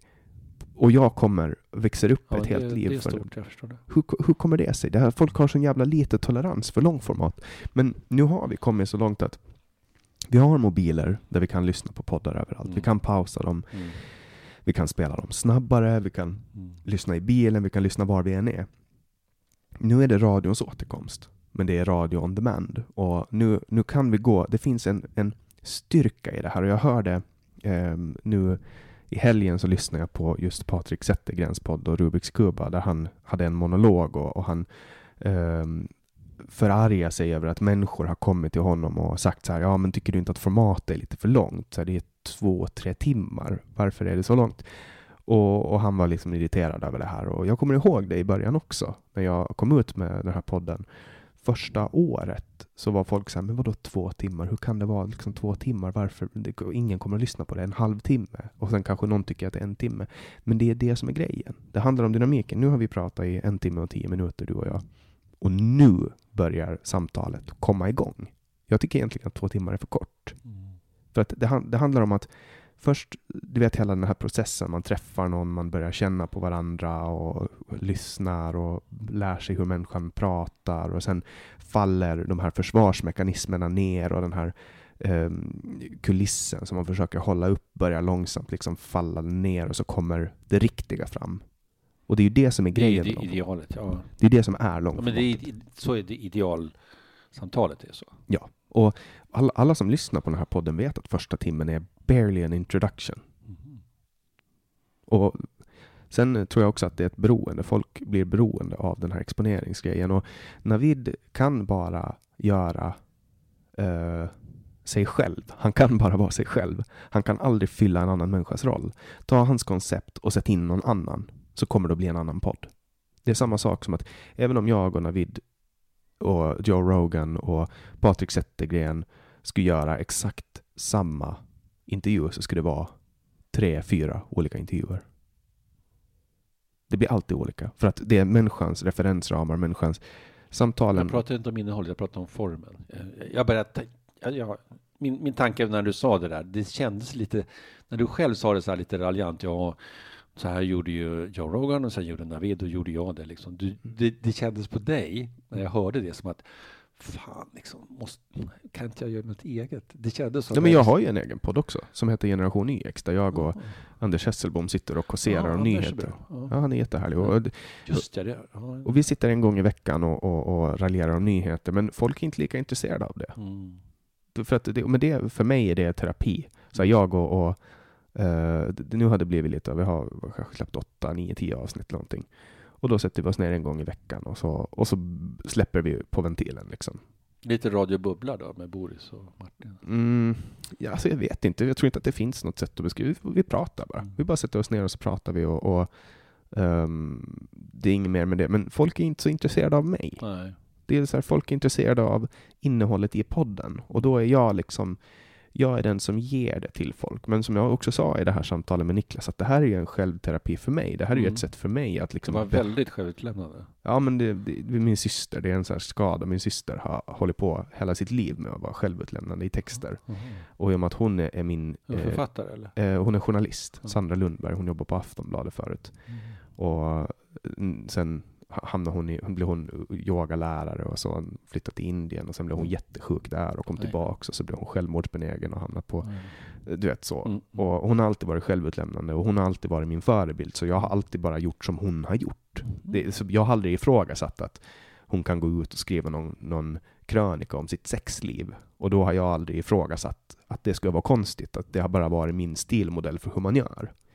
Um, så för mig är det inget konstigt att, att vara självutlämnande eller prata om att jag är bipolär eller mm. sådana saker. Så att uh, nu tappar jag tråden lite. Ja, det var min ena fråga, ja. tanke. Den andra frågan, den är mer...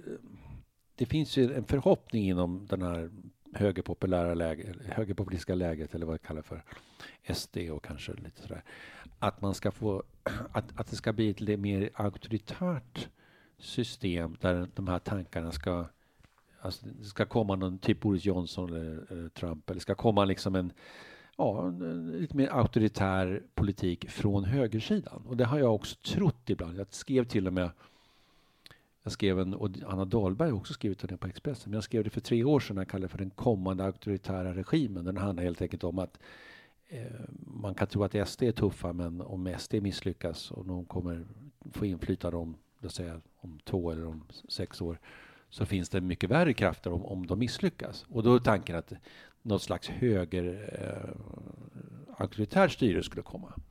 Men jag tänkte idag på det kanske precis eh, inte från höger, utan från vänster. Alltså, Sverige... SD är ju vänster. Nej men, ja, jo. Men De vill Ekonomiskt drömde jag, men, men de, det finns saker. Men, men det spelar, jag håller med dig, det finns nästan ingen skillnad på... Det skulle, vara, det skulle vara katastrof om Sverigedemokraterna skulle få styra över statsbudgeten. Har du sett deras skuggbudget? Men kan jag få avsluta där? Ja, jag absolut. tänkte säga, Ja, okej, kör. alltså det, Sverige är i behov av ett mycket mer auktoritärt styre på många områden. Det är, det är utbildning och offentlig sektor och myndigheter och inte bara invandring utan massa ställen. Men det kanske är som så att någon slags, ja, typ center, liberal, eh, sosse, eh, framförallt sossarna, alltså att de lanserar ett mer auktoritärt alternativ, fast de kommer ju inte kalla för det. Alltså i alla sådana auktoritära, eh, de säger att det här gör vi för goda sakens skull och det här är för nationens bästa och sådär. Va? Men alltså man kommer införa lagar, man kommer införa eh, policies som, som är då som mer auktoritära, men man motiverar det med det goda, alltså det, det, det hjärtevärma, vänstern. Eh, de kommer kanske minska invandringen till viss del, men, men alltihop sker liksom i ett, i ett eh, mer totalitärt. Alltså, Alltså att man, för att Sverige, för bara, alltså, Sverige har en, en, en bild av s- utomlands som ett mjukt totalitärt samhälle. Det vill säga vid nudging och en byråkratisk välfärdsstat som får folk att bete sig som de vill. Och så har vi hållit på sedan, sedan 30-40-talet. Folkhemmet är ett exempel på det. Men det är ju en slags god eh, eh, totalitarism. Och jag menar helt enkelt att den här mjuktotalitarismen som då är en socialdemokratisk paradgren, va, social ingenjörskonst, den kanske förfinas från just Socialdemokraterna. Så att det är de som tar det här eh, starka greppet om Sverige och plötsligt så liksom försvinner det här högerpopulistiska alternativet eller SD, Moderat, KD, det här så kallade konservativa läget. Och, och, och vänstern, alltså de med stöd av Center, Liberalerna, de liksom, jo men det här, är en, här gör vi för den goda sakens skull. Va? Och de klär det i de här orden. Va? Så att, eh, det blir mer repression, mindre åsiktsfrihet, det blir mindre valfrihet. Men då är det svårt för Centern och Liberalerna, men de har ju gått med på väldigt mycket hittills. Så att, och det, Löfven är väl inte den här starke mannen, men ta någon som Ygeman eller någon sån där liksom, som går in och styr upp Sverige. Liksom. Eh, så att ett vänsterauktoritärt, Hugo Chavez och sådär, det, det, det är det jag är ute efter. jag tror att när, när du pratar om alltså att en auktoritärt alternativ, då handlar det om ansvarsutkrävande. Alltså Mm. man kräver ut ansvar Mm. från människorna som hanterar de gemensamt plundrade resurserna. Ja. För det är ju det vi pratar om Och nu. det är tyvärr då, där har ju vänstern och socialdemokratin fallerat. Mm, och det här gör man ju under den solidariska, medmänskliga flaggan och det är Exakt. mjuka känsloargument som går rakt in i hjärtat. Visst det är det smart? öppna era hjärtan, OSV, OSV, medan högern och vill göra sitt eh, inom, cita, inom citationstecken då, auktoritära, alltså det vill säga ansvarsutkrävande, Mm. eh, med rationella argument såsom alternativkostnader, som till exempel om vi tar de här, den här miljarden som vi lägger på integration eller invandring här i Sverige och så skickar vi den ner eh, till en biståndsorganisation så kan de hjälpa så och så många gånger flera människor. Eh, och det är ju ett sätt att prata om det här problemet med eh, hur man ska lyckas använda resurserna på bästa sätt. För att Mm. man pratar om, ja men ska vi lägga pengarna här på någon integrationskontor i Malmö eller ska vi lägga det på eh, Svenska för invandrare? Och, och, då, och då kan man liksom prata om någon procents skillnad i statistiskt, alltså som inte ens är statistiskt signifikant, eller ska vi ta pengarna och kolla vad man verkligen kan göra om man maximerar Ja, det och så vidare. Och, då, och det på något sätt blir ondskefullt. Så var ju Hans Rosling eh, naturligtvis. Ja, och han, då, börjar, då börjar ju, alla älskar ju Hans Rosling. Eh, och han var ju liksom någon form av nationalhelgon före han ens dog. Och sen pratade han på ett sätt som gjorde att man kunde hitta likheter i Sverigedemokraternas, alltså han legitimerar deras åsikter då om att hjälpa Mm. på plats. Och då börjar ju folk hata Hans Rosling och sen dog han och då började de älska honom igen. Ehm, men, men alltså det finns ju i Sverige, ett, alltså alla vill ju samma sak. Men jag tror att det stora alltså alla vill ju att Sverige ska vara ett bra land, ett tryggt land, skolan ska fungera, um, välfärden ska fungera och så. Men sen finns det två olika berättelser om Sverige ett, en berättelse där, där, där Sverige, att ja, men man är så god och vi har så jävla, vi, vi har liksom det bästa av allting. Men alltså jag menar, kolla på de här siffrorna, alltså PISA-resultaten till exempel, som man friserar genom att exkludera inva alltså typ jättemycket invandrare. Och så sa man att svenska skolan är den bästa i hela världen och så la man upp världens Potemkins kuliss. Och sen bara kommer man, och, och så gick man ut och sa att det här är en glädjens dag för Sverige. Och sen det står man med falska siffror och bara oh, alltså skulle det där ha hänt eh, vem som helst annars, alltså man skulle, man skulle bli så sparkad. Alltså man skulle bli så sparkad och få, alltså man skulle, vad heter hon ministern som gick ut och sa det? Hon... Eh, Anna Ekström? Utbildningsministern. Anna Ekström. Ja. Alltså, att ens få sitta kvar efter att hon visste ju garanterat att... Men det var ju godkänt av OECD. Ja men alltså det där, det, det där är bara sånt. Men du, men vad tror du om min hypotes? Min hypotes är alltså att socialdemokratin eh, fattar, okej, okay, det är dags att styra upp alla system. Vi inför mer restriktioner. Eh, folk kommer rösta på oss för att det är vi som visar att vi kan ta ansvar på riktigt då. Det vill säga att de gör de sakerna som... Jag tror inte att sossarna kommer att gå framåt på grund av att de har bra politik. Jag tror att sossarna kommer att gå framåt därför att man verkligen har lyckats i invandrartäta områden att få folk att tro att Socialdemokraterna är det bästa det för invandrare. Gjort. Ja. I Rosengård röstade 90 procent på Sossarna. Ja, det är bara att kolla på, det är de siffrorna. Och men, men jag på menar... de människor som kom hit då, 2014, 15, 16, de kommer att få rösta i nästa riksdagsval. Jag vet, jag vet. Och var kommer de att rösta? Ja. Det är ju klart att de kommer att rösta på men, Socialdemokraterna. Men min, min hypotes är alltså att det auktoritära styret kommer inte från höger utan kommer från slags center-vänster det, det, är de, det, det, det, är de som har insett att vi behöver styra upp. Ja, alltså det, men det som, det som är auktoritärt handlar, det är inte per definition, eh, alltså som jag vill, om jag får, mm. jag kan köpa den bilden om jag får korrigera språkbruket och säga att det handlar mera om att kräva ansvar för vad, hur behandlar man de här gemensamma resurserna? För att det här är ju våra pengar. Mm. Vi som betalar skatt mm. i Sverige. Det är ju våra Så de har slösat i decennier? På massa konstigheter. Ja. Att det där handlar ju om... Man certifiering och... Jo, men man måste ju alltid komma ihåg när man hanterar det. Jag har satt ju en kort vända i, i lagtinget, då, alltså i Ålands parlament.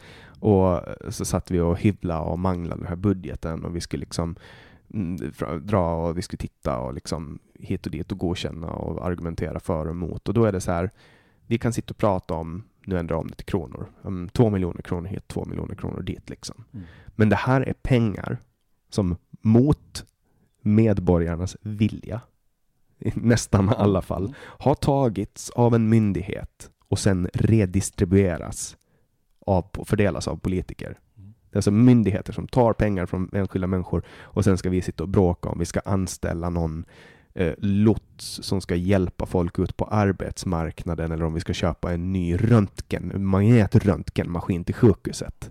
Mm. Alltså, alltså, den, alltså, att ens vara i en sån situation där man håller på tar pengar och håller på liksom ger bort dem. Det är en ganska, det är en ganska bizarr sak. Mm. Skattestöld, ja. Visst. Ja, skatte är stöld. Det är definitionen av stöld. Bara för att man inte kallar det stöld så betyder det inte. Jag, hade, jag gjorde med Anders Esselbom för några avsnitt, ett avsnitt i, i Generation YX som heter Skattestöld, där vi pratade om det. Men då ville inte jag gå in och argumentera för det, så jag skickade in Kai Gryssner istället, som också ah. har varit med i den här podden. Ja.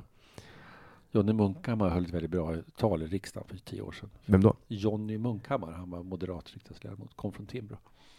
Men, men den här idén så att vänstern har insett sitt eh, möjlighet att gripa då makten lite mer resolut så att alla som har velat att vi ska styra upp systemen, som har då gått eh, högerut, de vänder sig tillbaka därför att det träder fram en Ygeman, nu är inte han det bästa för att han varit avsatt och han är så pinsam som digitaliseringsminister. Ja, det är efter, fruktansvärt. Efter att ha klantat det digitala Transportstyrelsen. Men eh, jag vet inte vem, vem det finns. ibland har jag trott att Ibrahim Baylan hade en bra position, men jag, jag har ingen bra sosse på lut som skulle kunna ta den och den vi har nu är ju inte värd att nämna. Men att, att sossarna liksom går in och det gjorde de 30-40-talet. De var liksom på sitt sätt då. De var ju liksom folkhemstotalitära. De hade ett stöd för sina. Jag ska bara berätta en sak. Eh, det finns en jätteduktig svensk eh, barnboksförfattare som heter Maria Gripe. Och hon växte upp på, på 40-50-talet. Kanske ja, tidigare, men hon var i varje fall hade en mamma som hade ett jobb som eh, innebar att nykterhetsnämnden skickade ut henne på dagarna. Jag är, jag är med, jag hänger Ja, med. bra Jannik, han sitter och pillar på telefon. Ja, nej, jag, Så bara, jag, bara man- tar, jag, bara, jag gör mitt jobb genom att ta en bild på dig. Ja. Maria Gripes mamma fick i uppdrag att, på den tiden hade vi en motbok som var före 1953 tror jag, om eh, här, pappa Svensson, vi säger så. Det är min pappa det. Mm. Det är pappa Svensson. Pappa Svensson fick en liter sprit per månad på den tiden. Det var det vad han fick i sin motbok. Man skrev in att man hämtat ut en sprit. Som, lön, som lön. Man gav lön. nej, nej, vi hade motbokssystem. Så att Systembolaget hade liksom, man kom dit med sin bok så skrev de i, ja, nu har Svensson köpt en liter sprit, så kom han tillbaka en månad senare. Nu var det som så att det fanns en del män som var törstigare än andra, som ansökte om att få två liter sprit per månad. För att de tyckte att de klarade av det. Va? Och då hade Maria Gripes mamma, hon hade uppgift att gå hem till de här kvinnorna, för mannen var ju på arbete på dagen, hon var hemma med barnen. Va? Så då åker man hem, knackar man på till fru Svensson halv tio på förmiddagen, hon drack kaffe. Va? Eh, och sa, jo du sa att vi har fått en ansökan från herr Svensson, han vill ha två liter. Ja, jag har hört honom prata om det. Ja, tycker ni, fru Svensson, att han ska få två liter? Och han hade betett sig illa mot henne då, eller eh, hon inte ville ge honom någon förmån. Va? Då drog hon in det och sa, nej, han kan inte hantera sin första liter, så att två liter, det blir alldeles för mycket. Kanske Han- rent utav sänka det till en halv liter. Ja, men alltså, förstår du vilken folkhemstotalitarism? Vi, vi, det, så hade socialdemokratin, och med stöd av borgerligheten också. För där handlar det om att uppfostra arbetarklassen så att de eh, kunde, de lärde sig dricka vin sen på Mm. 70 80-talet. Men om socialdemokratin tar tillbaka det här, alltså folkhemstotalitära, får det här stödet för att gå in och reglera de som inte sköter sig, utkräva ansvar av de som har slarvat bort miljarder. Det är ju pinsamt, för då kommer de naturligtvis ha sina egna då. Eh, men, men låt säga att de klarar av det här. Alltså. Är, är det möjligt att tänka sig att vi får en, en vänster, en, jag kallar det för center-vänster, för det finns några partier de behöver omkring sig. Men framförallt är det sossarna som liksom tar landet med ett fast grepp, sådana här Viktor Orbán-grepp. Så det, vi ska ha en svensk Viktor Orbán som är sosse. Jag blev ju kallad Viktor Orbán av en socialdemokrat för att jag ville lägga ner public service. Mm. Nej, alltså jag tror ju, jag, för mig är det, det är en mardröm. Ja, att, är en att, att vi skulle mardröm. ha ett samhälle, det är ju en Men- dystopi. Men, Men, där har vi, som, alltså i mitt fall, jag tycker ju inte att staten ska lägga sig i. Jag tycker ju att livet ska få forma människor. Alltså social bestraffning ska få döma ut. Därför att den som super sig för full och gör dumheter blir straffad av samhället. Jag blev straffad, jag söp, jag på supa ihjäl mig. Och sen blev jag så pass straffad att nu har jag fått reglera det själv. Jag har inte tagit hjälp av staten. Jag försökte ta hjälp av offentliga eh, anstalter som kunde hjälpa en att sluta dricka. Men vad fan var det? Det funkar inte. Nu går jag på A-möten och det funkar hur bra som helst. Jag var nykter i fyra år i januari. Mm, bra. Och det där är bara ett exempel på hur, hur uh, människor kan organisera sig mycket bättre än staten. Jo, men du vet mycket väl som jag, med, pratar om statsbudget och sånt, med de system vi har idag så måste ju byråkratin utkräva ansvar av alla de här som inte sköter sig, bara de ansvariga. Ja, handläggare och Ja, sånt. ja, alltså, det finns ju ingen tjänstemannaansvar i Sverige. Det är ju det värsta. Det är ju sjukaste jag, Jag vet. Alltså, det, det är många som inte vet om det. Så att ja, men om du som handläggare på en valfri myndighet, du gör bort dig extremt mycket och fattar ett olagligt beslut, du har ingen ansvar. Eller det här som slöseriombudsmannen, liksom, du vet, det ska kosta 10 miljoner, det kostar 110 Ja, miljoner. Martin Borgs där, han Jag är vet, ja, jättebra. ja Martin Josefin Utas. Men alltså, det- sossarna liksom, de, de kanske har samma skattesatser, men de ser till att skatterna används bättre, de styr upp system, de gör alla de saker som högern till, till viss del vill. Men de har goda argument, de har de här hjärteargumenten, solidariskt som du sa. Mm. Det här är lite Sovjetunionen. Va? Sovjetunionen var ju ett vänster eh, totalitärt. Det var ju vänstertotalitärt. He- Hela Sovjetunionen bygger ju på det. Va? Men de hade också de här argumenten Men- för arbetarna, för folket. Men de kom ju beyond det. Har du sett dokument eller Ja, har eh, spelfilmen? Där är det en jättestark scen, jag tror första eller andra avsnittet, när de sitter nere i ett skyddsrum. Tjer- Tjernobyl brinner, Mm. reaktorn har exploderat, det regnar, eh, radioaktivt avfall, stoft över hela stan. De sitter säkra nere i en bunker. Och um, de säger då från Moskva, stäng stan, ingen får lämna. Och de är så här, ja men vi har ett problem här. Alltså när det räcker med att de går ut så ser de en stor jävla fucking grön stråle som går upp i atmosfären. Uh, de fattar liksom att det är någonting som har hänt och då är, är det en gammal, gammal kommunist där från före kriget som så här slår i, med sin käpp och bara bong, bong, bong. Om staten säger stäng stan, stäng stan. Och då är det liksom inget snack om saken. Staten har alltid rätt. Då har man liksom gått beyond. Då har ju revolutionen varit där redan och fått folk att tro att det här är för den goda sakens skull. Man har liksom, uh, man har tagit över staten, man har lyckats. Och nu är det liksom, nu behöver vi inte prata om det där längre. Nu, den tiden är över. Liksom. Har, nu har vi tagit det här och då blir ju det som börjar som en kärleksfull tanke om att alla människor ska vara med, blir till sist en kall och hård, grå jävla fyrkantig betong eh, verklighet där man inte ens har tillräckligt med kapacitet att skapa mat åt alla. Mm. Det var så det, det föll. Och det är ju så det kommer att bli igen. Allt det här, alla som håller på att prata. Jag, jag litar inte på människor som håller på att prata om att det finns ett korrekt sätt att hantera pengar på. Ja, vi ska, alltså nu pratar jag om känslor. Det mest humanistiska vi kan göra är det här. Det mest humanistiska. Man vet aldrig hur en lag faller ut. Nej. Alltså det där är så, det Konsekvens, ja. ja. Det, går, det går liksom inte. Mm. Alltså, människor kommer alltid att börja kringla runt lagar. Mm. Det spelar ingen roll om man anser Um, vad, vad, vad, är en bra lag och vad kommer den här att liksom... Ja, du har det på LSS-laget, du har det överallt. Va? Så det, finns massa ja, problem. Ett, ex, ett exempel, typ eh, Moderaterna på Åland var med och knuffade igenom en lag då med, och Moderaterna är ju ett parti som är för handel och frihandel och hit och dit. Och de var med och under deras ministär knuffa igenom en lag som förbjöd e-cigaretter. Mm. Och det var inte att man förbjöd e-cigaretter, utan man förbjöd försäljning av, en, av cigaretter på Åland, vilket gjorde att det man gjorde var att ingen butik på Åland får sälja e-cigaretter. Mm. Men man får köpa det från en estnisk eller polsk e-handel. Så då var det så här, ja men en lag som bara förbjuder lokala entreprenörer från att hjälpa folk att sluta röka. Mm. Hur, hur pro-business är man då?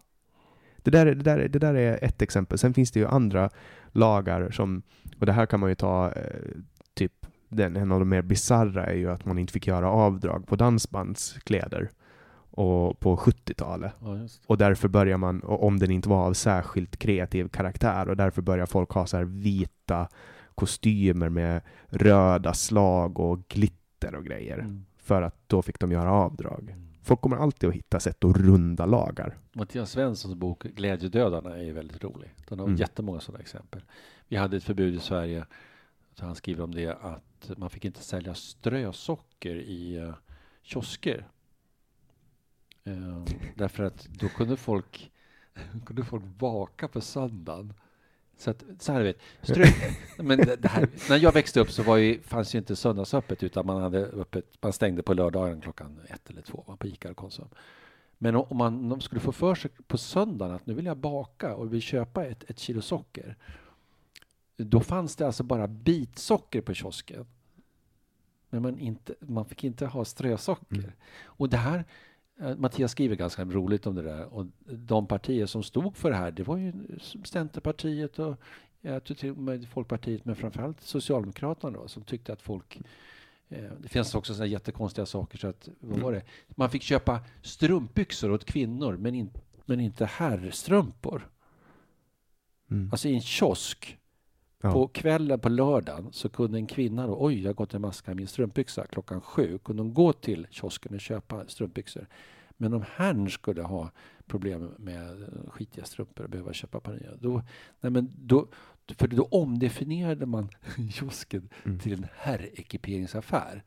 Och en kiosk har ju inte tillstånd att vara någonting annat än en kiosk. Nej, och, det, och det är samma med, med till exempel nu, nu var det bara nyligen, någon månad sedan, som, som Ålands lagting då rev upp en gammal lag från 20-30-talet som sa att för att få jobba som vaktmästare på en biograf så måste man ha fyllt 23 år. Sådana saker till mm. exempel. Och det går ju inte att förstå idag vad man tänkte då. Så vad, vad, vad tänkte du? Det antag, jag, jag tänker att det antagligen hade att göra med att om man var 17 och jobbade som vaktmästare släppte man in sina kompisar. Mm. Eller sådana ja, saker. Då var man inte myndig heller. Ja, eller om man var 18, alltså sådana saker. Men, men eh, lagstiftning, alltså det som jag har också tänkt lite på är som jag skulle jättegärna införa i, överallt i hela världen, det är lag, att alla lagar har ett bäst före-datum. Mm. Att när man har stiftat en lag så förfaller den efter 10 eller 15 år och då måste man göra om den. Den förfaller i sin helhet. Då måste den behandlas på nytt från Wow. början i utskott. Eh, två gånger och sen ska den debatteras och hela den biten då. Eh, på grund av att då kan man inte till exempel ha lagar som eh, svensk narkotikalagstiftning som beslutades om under en tid där man på riktigt trodde att folk blev knarkare i, i pandemitakt av att bli Mm. exponerade för människor som höll på med droger och så vidare. och så vidare. Eh, och, och, och lagar som baserar sig på, på, på vetenskap som då var riktig vetenskap men som idag bara är hittepå. Mm. Och då, och då, då skulle vi förlora det. Eh, Den dimensionen att eh, man, man skulle behöva gå, för att det krävs jättemycket arbete för att knuffa igenom en lag. Eller det behövdes jättemycket arbete att knuffa igenom en lag förrän Stefan Löfvens första regering kom. Eh, nu har det liksom devalverats och man har börjat ignorera lagråd och så vidare. Men Mm. jag tror att man skulle borde sätta bäst före-datum på alla lagar. Mm. Vet du något land som har ett sånt system? Nej, jag har aldrig hört om det. Mm. Jag har aldrig hört om det, men Mm. jag vill att de automatiskt ska förfalla. Ja, man kommer ju på bra idéer när man tänker själv, men, men eftersom inget annat land, vi är 190 nationer i världen och ingen har det systemet. Du, du har inte kollat det? Ja, jag har, pra- jag har pratat lite Mm. med, med folk om det lite, men folk Det låter som en vettig idé, men, Jo, men i allmänhet är folk så här, de bryr sig inte så mycket om lagstiftning. Nej, nej. Det är inte intressant för Nej, människor. det- jag tycker det är lite intressant. Men, Men det är så här, om du pratar om lagstiftning med hundra personer, hur många kommer att tända till och bara fråga så här, oh shit, kan du berätta mer om det? Det händer liksom inte. Folk, nej. folk bryr För, sig. författningsdomstol eh, brukar jag prata om ibland och då börjar folk få något eh, flacka med blicken. Mm. Ja, men det är så här, Jag tycker det är, men författningsdomstol det har man i Tyskland, man har det i Högsta domstolen som USA. godkänner om lagarna är Nej, tillämpliga. I, som, som godkänner, ja dels lagar, men go, alltså, man tittar på grundlagar, ja, konstitution. Ja, Så för det har vi, vi har ju Högsta domstolen till att göra det i Finland. Ja, just ni har nog bättre. Vi har det här mesiga lilla lag- lagrådet. Lag, Men- alltså, men- inte har någon, de, har, de gör ett utlåtande som Nej, man ja, får ja. ignorera om man Ja. vill. Nej, men eh, jag tillhör det parti, då, Medborgarsamling, som leds av en jurist, Ilan Sadeh. Och ett av våra krav är författningsdomstol, men du kan inte ha torgmöte eh, någonstans i Sverige och börja prata om författningsdomstol. Det är ingen valfråga precis. Mm. Men- Ja, folk, det, folk bryr sig ju ofta inte om sådana viktiga frågor. Folk tänker ju mest på Nej. vad ska vi använda de gemensamma pengarna till. Men jag håller med Jag, jag har varit intresserad av juridik på sista åren, och, eller sista decenniet eller två. Jag önskar att jag hade läst jurist, det gjorde jag inte. Jag gjorde en massa annat onyttigt. Men jag har ju förstått att man, man borde ha bättre koll på, på juridik och rättssystem och sånt. Ja, men hur, många, hur många vet till exempel, man vet ju liksom, man lär sig i skolan om hur maktfördelningen ser ut och så, men hur många vet egentligen hur, en, hur det går till när en proposition läggs från regeringen, hur eh, själva processen bakom lagstiftningen går till och hur det gör när det kommer en motion från riksdagen och hur utskottsarbeten funkar och så vidare. Eh, Det, är samma med riksdagsdebatterna, de skulle, man skulle kunna spola dem helt och hållet. Ja, Det är jag, bara teater. jag såg inte det som var i söndags. Jag läste någonting, det, jag tror det var antingen i England eller USA. Istället för att ha liksom åtta partiledare som kvackar eh, en minut om, om åtta olika frågor. Så har man i England och USA eh, tre, fyra utfrågare till en politiker. Så istället för att ha liksom åtta och så två stycken som håller på och försöker från SVT, Anders Holmberg och någon annan. Så har man liksom vänt på det där. Va? Så du har fler utfrågare än vad du har de som ska svara. Va? Och, och då har du liksom fler som kan märka... märka liksom, flera ja, perspektiv och Ja, men du folk har- som kan precis. bli ovänner också. Ja, ja, pre- precis. Va? Men du kan också säga, ja men där gjorde han det, gjorde det. Alltså det är fler som är uppmärksamma. Va? Jag tycker det lät jätteintressant. Mm. Jag ska tipsa SVT när ni lyssnar på det här, för att ni måste lyssna på samtal med de lyssnar på det. Jannik Svensson, Jannik Svensson, SVT, anropar Anders Holmberg. Att eh, försök ta in tre personer och utfråga en i taget. Och sen kan ni köra två timmars också. Eh, två timmars utfrågningar som Jannik kör. Alltså enda gången de gör två timmar, det är när de får grotta ner sig i någonting de själva tycker om, någon kulturintervju med någon ah, författare. eh, du har Ekos lördagsintervju är ganska bra. Men de, de är väl inte två timmar? Nej, de är knappt en timme tror jag. Ja. De, de, borde, de borde vara två. Och de ska ha sån här...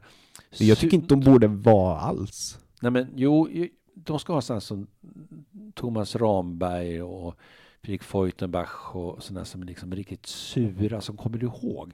Alla de där, de vet ju, ja, du sa ju 96 att det var si. Va? Nu säger du så, säger Thomas Ramberg. Men det, spe, det Jo. spelar ju ingen Nej, men roll jag, jag tycker det ska vara sådana här folk i Sverige. räv, rävar som liksom kan verkligen grilla. Alltså, Ta Annie men- Lööf. Jo, men ingen. Alltså, grejen är det att om du som journalist i Sverige idag grillar en politiker så kommer du aldrig mer att få grilla en politiker. Nej, de sitter och, och eh, i Det- samma... Nej, men det är så här, du, du, så här, om du säger, de tackar ju bara nej.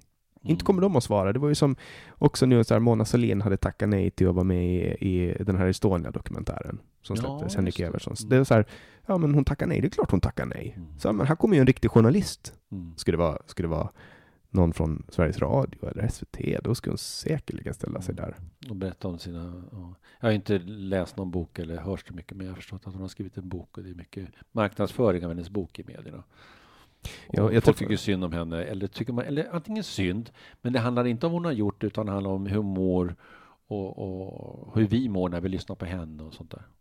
Hon är ju väldigt mysig. Mm. Att lyssna Jo, på. Jag har suttit vid något bord med henne. Hon, Hon är är trevlig. liksom, hon förklarar ju saker på ett väldigt pedagogiskt sätt. Va? Säger hon. Va?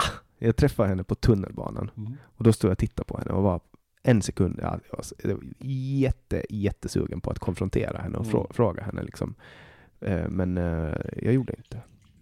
Men att hon åker tunnelbana, det är lite spännande. Mm. Det är nog, må- jag har nämnt det många gånger i den här podden att hon åker tunnelbana. Ja, Men eh, hon åker tunnelbana. det kan man göra. Mm. Cyklar för det mesta. Jag är från Uppsala och det är en cykelstad. Vi hade en c- fram cykelfabrik också. En Cykliststad. Ja, cyklist. Nej, men jag flyttade hit 2004 och jag upptäckte Stockholm genom cykel. Och eh, det här med tunnelbanan tycker jag är tråkigt. Jag, jag älskar att cykla i Stockholm. Vet du vad en cyklist är? Nej, Det är en miljöpartist. ja, jag förstod nästan. De håller på att bygga om eh, hela Stockholm nu så att det ska funka för är fruktansvärt. Ja men de ska ju bygga så att alla ska kunna cykla överallt. De har ju Ja, kommit ja, på det På nu. så sätt hålla... Sen, ja, jo. Mm. Det är så här, de största infrastruktursatsningarna förutom Slussen och handlar om att man ska se till att eh, biltrafiken ska bli trångare och det ska bli lättare att cykla. Mm. Nej, men jag håller med om det. Sen har jag, hade bil tills för några månader sedan. Mm. Jag vet hur det var att parkera i innerstan. Det, var ju försvår, det var ju förvånansvärt lätt att få parkering här och det kostade 1,67 kronor. För, um, Ja, 20 minuter. Jag kom 20 i 7. ja, och så var det gratis efter sju. Ja. Ja. Vi sitter nu i Abrahamsberg som är närförort till Stockholm. Den är ju också väldigt fin i att vi hörde glassbilen utanför. Ja, Janne, Det kommer- ja, Det kommer från Solsidan va? att man har glassbilar. Det är att det är en klassmarkör. Ja, nu är det här en gammal folkhemsarbetarförort och så, men, men som, det börjar bli lite hipstervarning här, här ute. Mm, Jag har kollat val, det finns nog 30 procent som röstar på miljö, sossar och vänster och sånt. Men eh, bara för att återknyta med cykling. För mig, jag är från Norby, Uppsala, sådana här villaområden. Bättre bemedlade. Och då cyklar man från eh, Norby ner till stan i Uppsala. Och jag har räknat ut att det är exakt samma avstånd här in till eh, Stockholm city. För då cyklar jag ut med Nor- eh, Norrmällarstrand över Tranebergsbron. Så för mig så har jag liksom återupptäckt det här med jag tycker inte om att bo mitt i stan. Jag vill inte bo ute på landet. Jag vill bo här liksom. Mm, jag vill åka in till stan. Har du något jobb du åker in till på stan, i stan eller? Ja, jag hade jobb i Solna, vilket var ett helt annat håll här.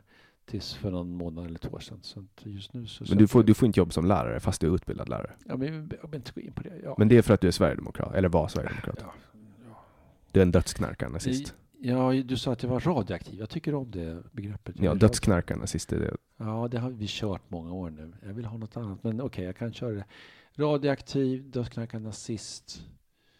Jag var intervjuad av P3 eh, för några veckor sedan. Helt, ja, det, var, det var något som hette P3-klubben och någon kvinna där som hette Nanna som intervjuade mig. Och eh, då sa jag, för vad ska du presentera det som? Alltså, jag säger att jag är högerpopulist. Och då var det så här, men är du högerpopulist? Ja, sa jag. För eh, hon vågar ju inte kalla mig för högerextrem. Mm. Man kan ju inte ha en högerextremist i, i P3. Det förstår ju alla. Då tog jag liksom udden från henne "Ja, men du kan kalla mig som högerpopulist. Det vart jättelätt. Men du kallar dig själv för högerpopulist? Nej, jag kallar mig oftast för frihetlig. Jag tycker det låter bättre. Alltså, men då börjar folk ställa massa frågor som du gör då, och då ser de lite trötta ut när man börjar prata om anarkosyndikalismen. I, Ja. Fan, det, det, det, det bästa skulle nästan vara att klippa bort början av samtalet. I och med att vi var väldigt mycket, men jag kommer inte att göra det för att jag klipper aldrig bort Alltså, saker får, jag bara säga, får bara säga en sak till apropå det? Det är klart du får. Tack. Jag nämnde Vladimir Ilich Lenin som gav er frihet i, i eh, Finland. Jag tror det var 6 december 1917. Ja. Ser du? Han grundade naturligtvis Sovjetunionen. ja, jag har hört någonting om det. Mm. Jag tror att vi... vi jag tror Men vi, vet, brå, vi ordet, bråkar vet du vad ordet Sovjet betyder? Det är väl någon form av kommun?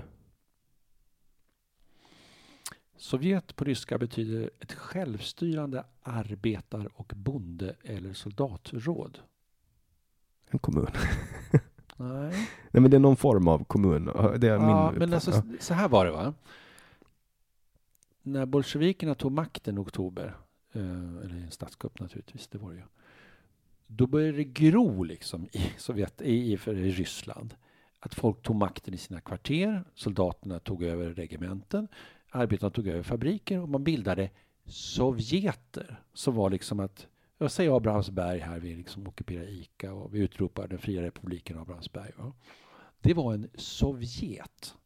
Och det var faktiskt lite av en modell, en prototyp för en frihet i socialistisk liten rådsrepublik. Det finns som heter rådssocialism också, vi ska inte gå in på det. Sen körde man i dike. Ja, men alltså det fanns, så att vad Lenin gjorde 17 till 21, att han, ut, han utkämpade ett krig mot de här självstyrande. Ehm, det fanns en väldigt berömd republik i, i, i ehm, Sankt Petersburg som hette Kronstadt, som var matroser som, som gjorde uppror mot bolsjeviker. Så att det fanns alltså en, du kan kalla det för vänster, du kan kalla det för anarkistisk, du kan kalla det för något, men det var, folket tog makten själva och så fick de reda på att det fanns någon som hette Lenin i Moskva som tyckte att man skulle vara medlem i partiet, partiet ska se ut. Så, nej, sa de. Va? Och då, så att all makt åt sovjeterna, inte åt partiet. Det var tror jag en pamflett som eh, eh Rosa Luxemburg använde, Spartakusupproret 1919 i Berlin. Nu blir vi lite historiska här, men ja. Så att det finns kontakt, så att den här rådsocialism eller eh, frihetssocialism det bygger liksom på att folk tar makten och det här ordet Sovjet användes sen. Och det betyder alltså rådsrepublik eller råds... Så, Sovjetunionen betyder liksom unionen utav folkliga råd. Va? Och det låter ju jättefint med folkliga råd. Lyfter i mikrofonen tre Ja. grader. Ja. Men eh, så att...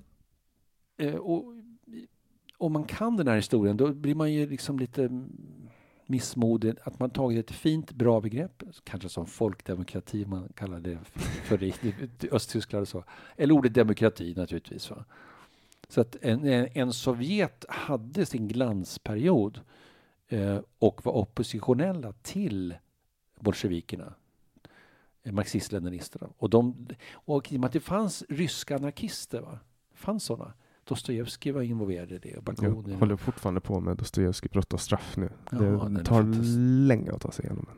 Jag läste Bröderna Karamazov för två år sedan och det var fantastiskt. Mm. Men det, är, det är en otrolig upplevelse. Alltså, vissa, vissa kapitel eller Mm. vissa delar i kapitlet så kan jag resa av hans språkbruk.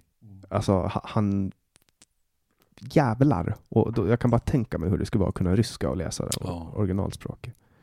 Fortsätt, förlåt. Nej, ja, ah, Det skitsamma. är typ tredje avsnittet i rad nu som jag håller, säger att jag håller på med, Ja. med brott och straff. Jag läste den för jag läste Litvet i Umeå, 2040 kanske.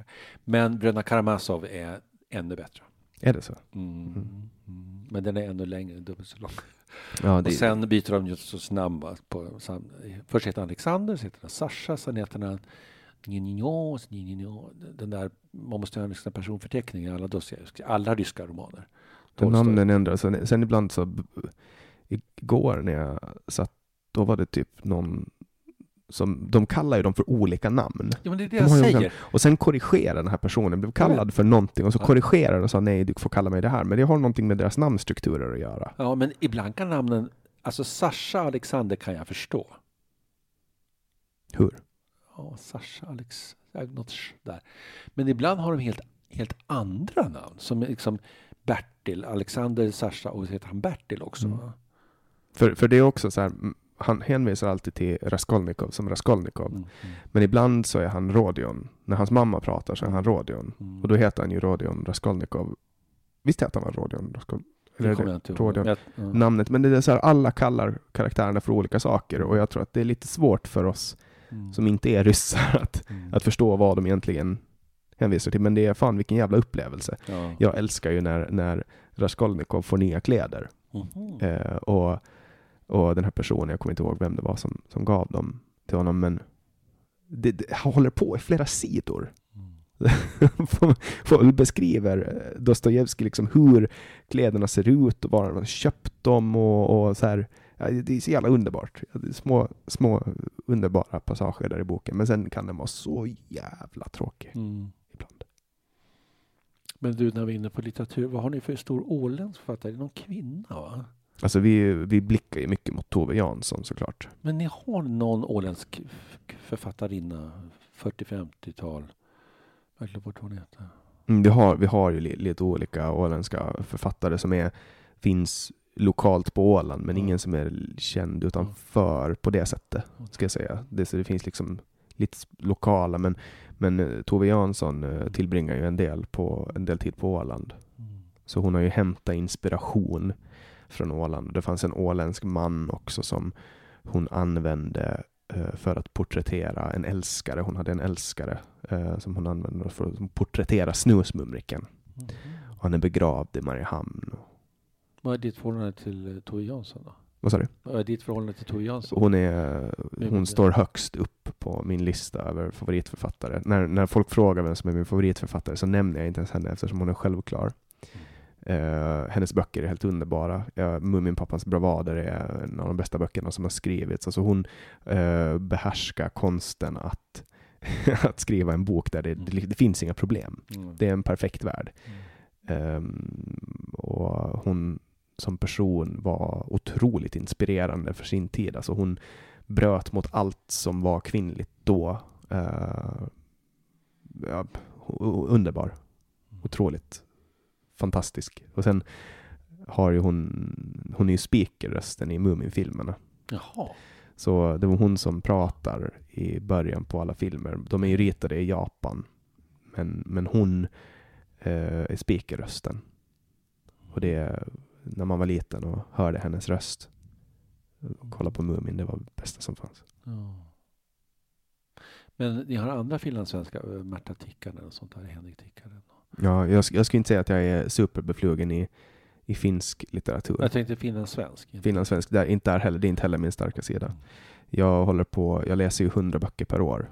Ehm, Mhm. Men det är väldigt sällan som jag biter mig an någon lokal finlandssvensk klassiker eller svensk klassiker.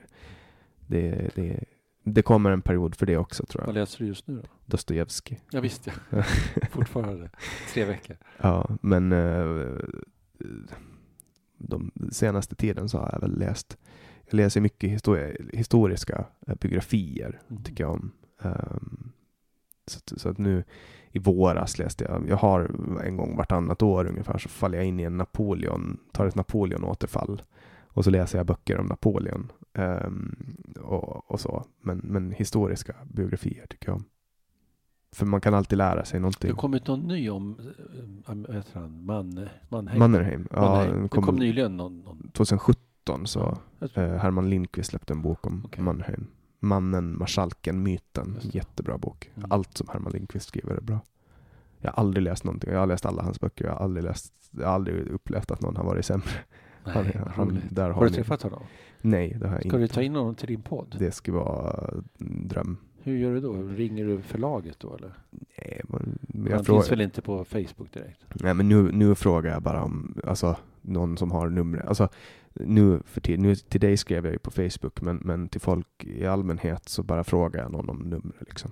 Det är alltid bäst att ringa, för skriver man eh, så är sannolikheten ganska stor. Jag har rätt mycket data nu på bokningar, så att Mm. eh, sannolikheten ökar att de, eller risken för att de tackar nej ökar om man skriver eller mejlar. Men det vore ju jätteroligt om du fick ja, eh, Herman Lindqvist. Det skulle vara extremt kul. Jag ska, jag ska faktiskt... Vad skulle du börja prata med honom om då? Mm, jag skulle be honom analysera Sverige och få honom att förklara sin bild om att han kan ju allt om svensk Mm. historia. F- förstå varför Sverige har blivit det land som det har blivit. Det ska jag nog prata med honom om. Inte så mycket historia, mer hans analyser. Alltså med allt som finns i hans huvud. Liksom. Mm. Det finns ju så jävla mycket information där. Får jag rekommendera en bok till dig skriven av en finlandssvensk författare? Absolut. Marianne Alopeus. Hon skrev en bok som kom ut 1983 som heter Drabbad av Sverige. Och hon, eh, dels var hon författare själv, dels var hon gift med författare. Och hon åker från Helsingfors och bor i Stockholm några år och ja, samlar på sig en massa saker om Sverige. Och den boken, 83, så säger hon två saker så här. Den offentliga lögnen i Sverige är att det inte finns en offentlig lögn. Mm. Det är Vilhelm Mobergs demokratur. Eh, Ja, ja men hon formulerar så han snyggt. sa det redan 1965. Jag vet, men hon säger så snyggt. Ni tror att det inte finns offentlig lögn, men det finns det. Och sen, jag kommer inte ihåg en citat, jag har skrivit någon recension av den boken. Hon säger att eh, det är märkligt i det här landet, alla verkar huka sig för Dagens Nyheters kulturredaktion. Och så är det 83. Ja, Susan Sontag sa ju också massa intressanta saker. Ja, den, den har jag också med. Jag har skrivit en, en lång drapa, du kan få den. Eh, Det här med 35 författare. När som beskriver den? Sverige. Hon, hon var här 1969 och Ja. skrev om eh, letter, letter from Sweden i en hipp kalifornisk magasin som heter Rampart. och, sen tror, och sen tror folk att Sverige inte har någon kultur. Alltså hon beskriver ju de här, och det var de hippa. Eller vänta, nu sa jag fel. Inte kultur, utan att Sverige inte har. No, ja, och det, det finns folk. Är det de säger? Ja, Sverige har ingen egen kultur. ja, det finns lite olika.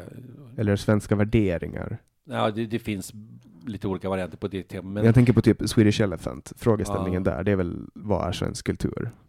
Men alltså, äh, Susan Sontag beskriver människor som är de mest hippa. De hänger på Moderna Museet. Det är avantgardet i Sverige. Det, du vet, Carl Johan De Geer och Puss. Och hon är liksom, hänger kanske med Jörn Donner och sådär. va, Harry Schein och så. Och de här hippa människorna, alltså hon bara tittar på dem och säger, tycker att de beter sig som liksom bondlurkar som precis kommit in till storstan. För att på 1969 då var det precis så att de som var, även i de här kretsarna, så var folk liksom... Hon berättar till exempel en liten detalj som hon skriver här. Att jag har aldrig varit i ett land där folk berättar vad de ska göra på toaletten. Ja. Jag måste gå och kissa eller jag måste gå och bajsa nu. Hon bara liksom, och hon är från New York och har väl hört på det andra och andra. Där pudrar man näsan liksom. Nej men jag, jag har liksom, wash my hands liksom, säger man. Och hon bara liksom, men varför säger de så där för? Och, och massa andra konstiga saker kring alkohol och sex och sånt. Som är, hon, hon tycker liksom att de här människorna, de har liksom ramlat in i en stad, en civilisation. De, de, de hör hemma på landet med skogsmänniskor. Det är jätteintressant. Och det Ja. är alltså de mest, som jag säger en gång, de mest radikala, hippa, liksom konst. Hon är här i Stockholm för att göra en film som sen inte blir någonting, tror jag, någon slags ja, film. Ah, hon, den är jätterolig. Mm. Nej men det finns, alltså man har, man har redan från, från början, alltså det finns ju också super, super gamla skrifter som beskriver Sverige Mm. och, och svensken liksom. Från 1800-talet och eh, Carl Linné och massor av saker. Ja. Svenskar är lite speciella. Min, min, ehm, min farfars pappa kommer från, från Sverige. Farfars pappa, farfars far, okej. Ja. Ja, och min farfars mor kommer från Åland. Mm. Så, så jag har liksom där. Mm, Så att jag har ju Svensson, det kommer ju från, Mm. från Sverige. Men, men jag har ju flera poddar, alltså flera samtal och prata om den här um, identitetssplittringen som finns. Att som ålänning så vet man inte, om att, jag sa ju det tidigare, att det finns ingen åländsk nationalism utan det finns bara lokal patriotism. Mm. Den här ön liksom, eller? Ja, och då är det, man är inte riktigt, alltså när jag är här i Sverige då växer min nationalism gentemot Finland. Mm. Då blir du ålänning alltså? Nej, ålänning är jag alltid. Jo, men jag menar om du är liksom Mariehamns Hamnsbo, eller var du nu bor på Åland eller har släkt. När du är där så blir du ålänning när du kommer till Sverige. Nej, jag blir finne när jag kommer till Sverige. Nej! Ja. För du vet, många svenskar tror ju att Åland är en del av Sverige. Nej, är det sant? Jo, jo, det finns de. Det är inte helt ovanligt. Och, men, det men heter Ahavemenna. och sånt ah. Ahvenama tror jag man uttalar det. Abborreland. Okej, ja. Avhe- Ahve- Ahvenama. Jag säger alltid fel. Jag, jag kan inte finska. Så. Mm. Men Minne på en vähän suomea. eh, du- nu sa du att du kan lite finska, eller? Ja, tack. Kiitos hyvin. Så att li, lite så här små, små saker. Mm. Sen kan någon telefonsvarare, että voitteleminen henkilö puhuu toista puhelua, olkaa hyviä, odottakaa sulkematta puhelinta. Personen ni försöker nå tala ett annat samtal. Var god dröj utan att avbryta samtalet. Miniatyren um, Yliopisto. Nej, nu tappar jag dig. Miniatyr, jag arbetar Yliopisto Nissa. Jag arbetar i universitetet. Ja, okej. Uh, så att, Mm. Men du ser ju, det, jag Mm. kan inte finska och Mm. de flesta, det är ju mera, alltså, det, folk pratar mera svenska på Åland än man pratar i Sverige. Mm. Eh, och sen tycker jag också att, att Åland, Arabiska har ju gått om som andra språk i Sverige. Gått om finskan, det vet du va? hur många procent Ja, jag vet, men det, det har gått Pratar om det, ja. För några år sedan så blev arabisk det andra största språket i Sverige. Men Mm. fortsätt. Ja. Mm, Så det ja. blir finnarna har kommit till Sverige, vad kul. Ja. Ja, så att den, den eh, delen av, av eh, nationaliteten växer. Jag tror att människor har ett in, in, inneboende behov av att känna en stor samhörighet. Eh, Jag, jag tror inte att någon åker iväg till USA och så känner de sig som en stolt Europabo. Alltså, Nej. det blir för stort. Eller, eller någon i Asien, det vet jag inte, men så känner sig som en stolt asiat. Mm. Jag tror att Nej, det- det krävs, det, alltså att, att känna någon större nationell samhörighet, det är liksom bara någonting som sitter i oss. Alltså vi har ju skapat nationer och så. Sen finns det ju en gräns för hur stor en nation kan bli. Frankrike till exempel under Napoleontiden eller romarriket och så vidare. Så att där finns det någon självreglerande gräns för hur stor en nation kan bli. Spanjorerna blev ju aldrig nationalistiska gentemot Frankrike till exempel Mm. när de ockuperades av, av Napoleon. Okej. Så att där, där, alltså, den, den här bilden om, om, om ett land växer ju kvar. Och, och för mig, och Finland har ju inte superlång historia heller.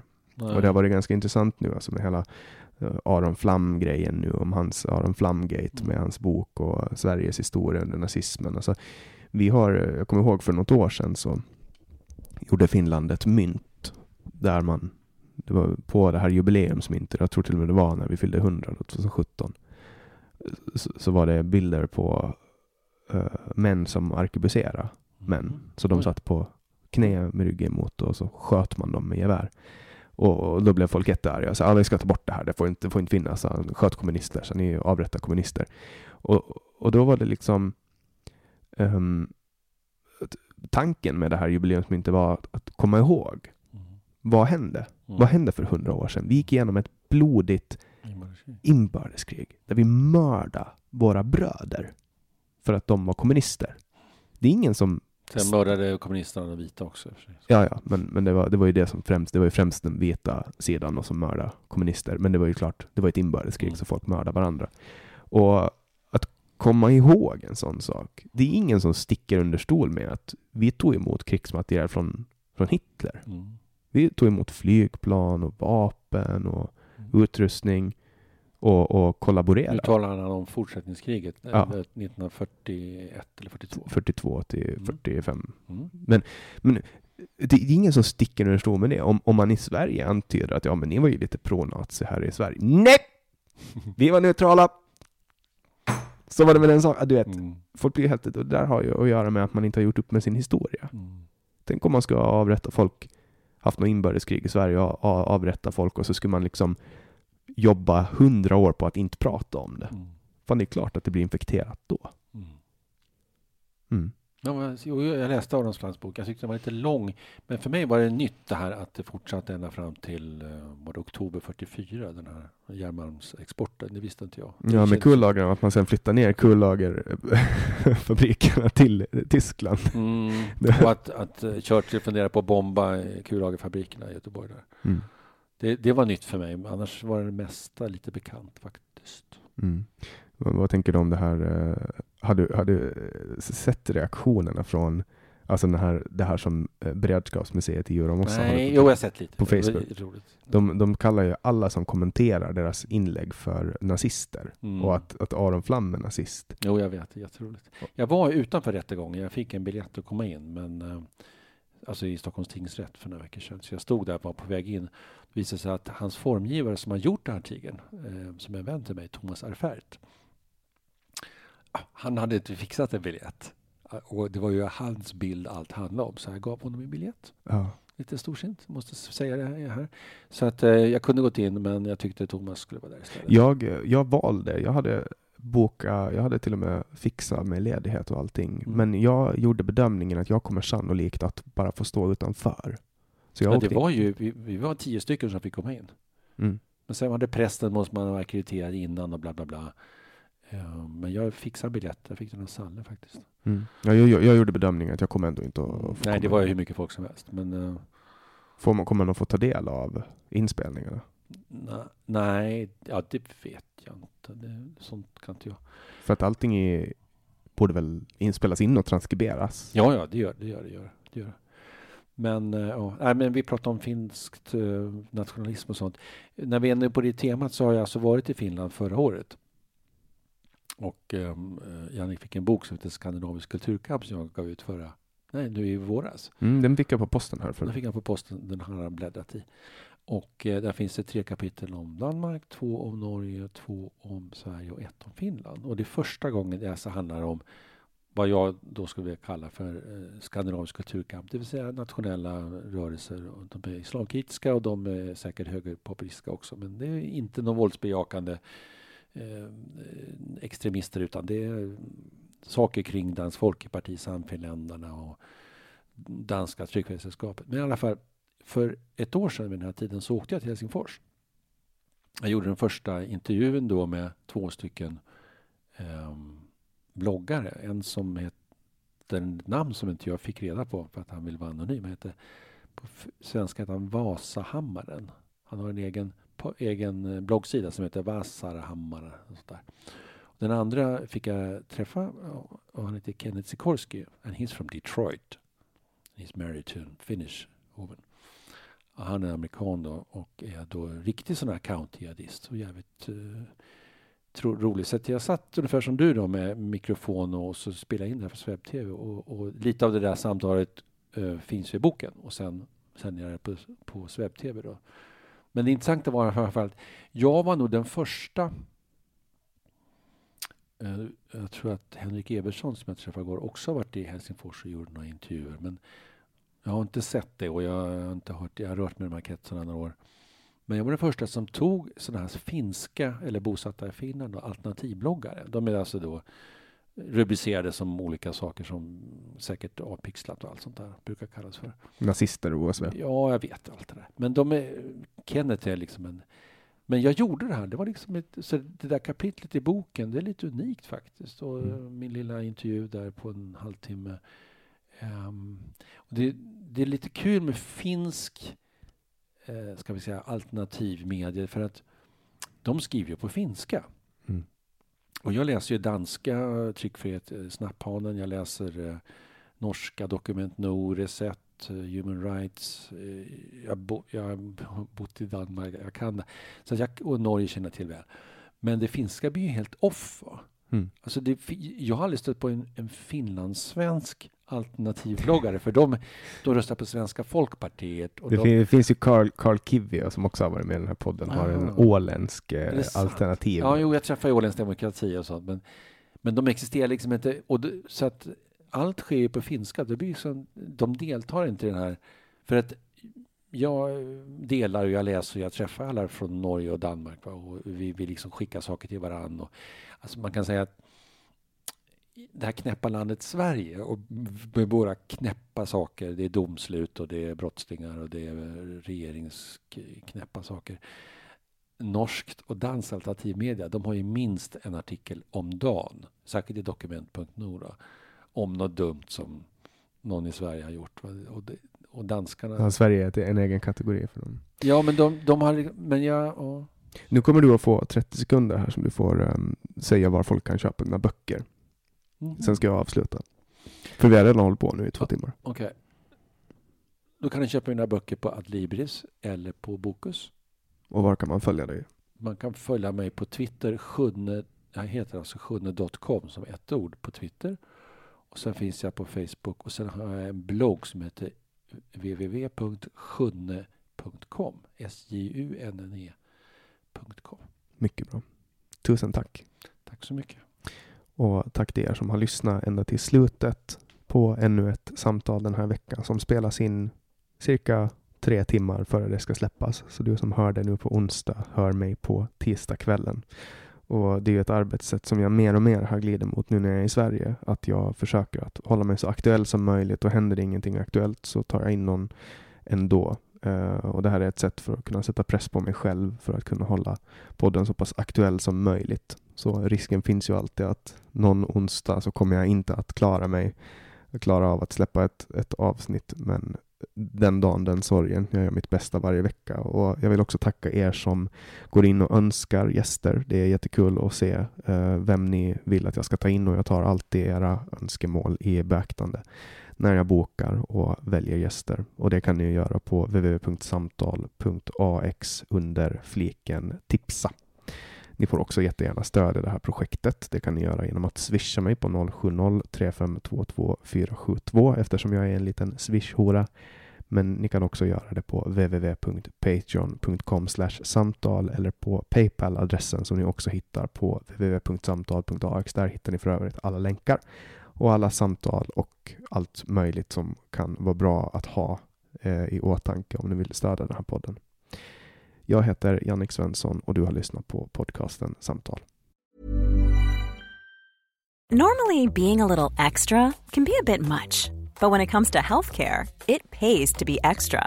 And United Healthcare makes it easy with Health Protector Guard fixed indemnity insurance plans. Underwritten by Golden Rule Insurance Company, they supplement your primary plan, helping you manage out of pocket costs without the usual requirements and restrictions like deductibles and enrollment periods. So when it comes to covering your medical bills, you can feel good about being a little extra. Visit uh1.com to find the Health Protector Guard plan for you. Planning for your next trip? Elevate your travel style with Quince. Quince has all the jet setting essentials you'll want for your next getaway, like European linen, premium luggage options, buttery soft Italian leather bags, and so much more. And is all priced at 50 to 80% less than similar brands.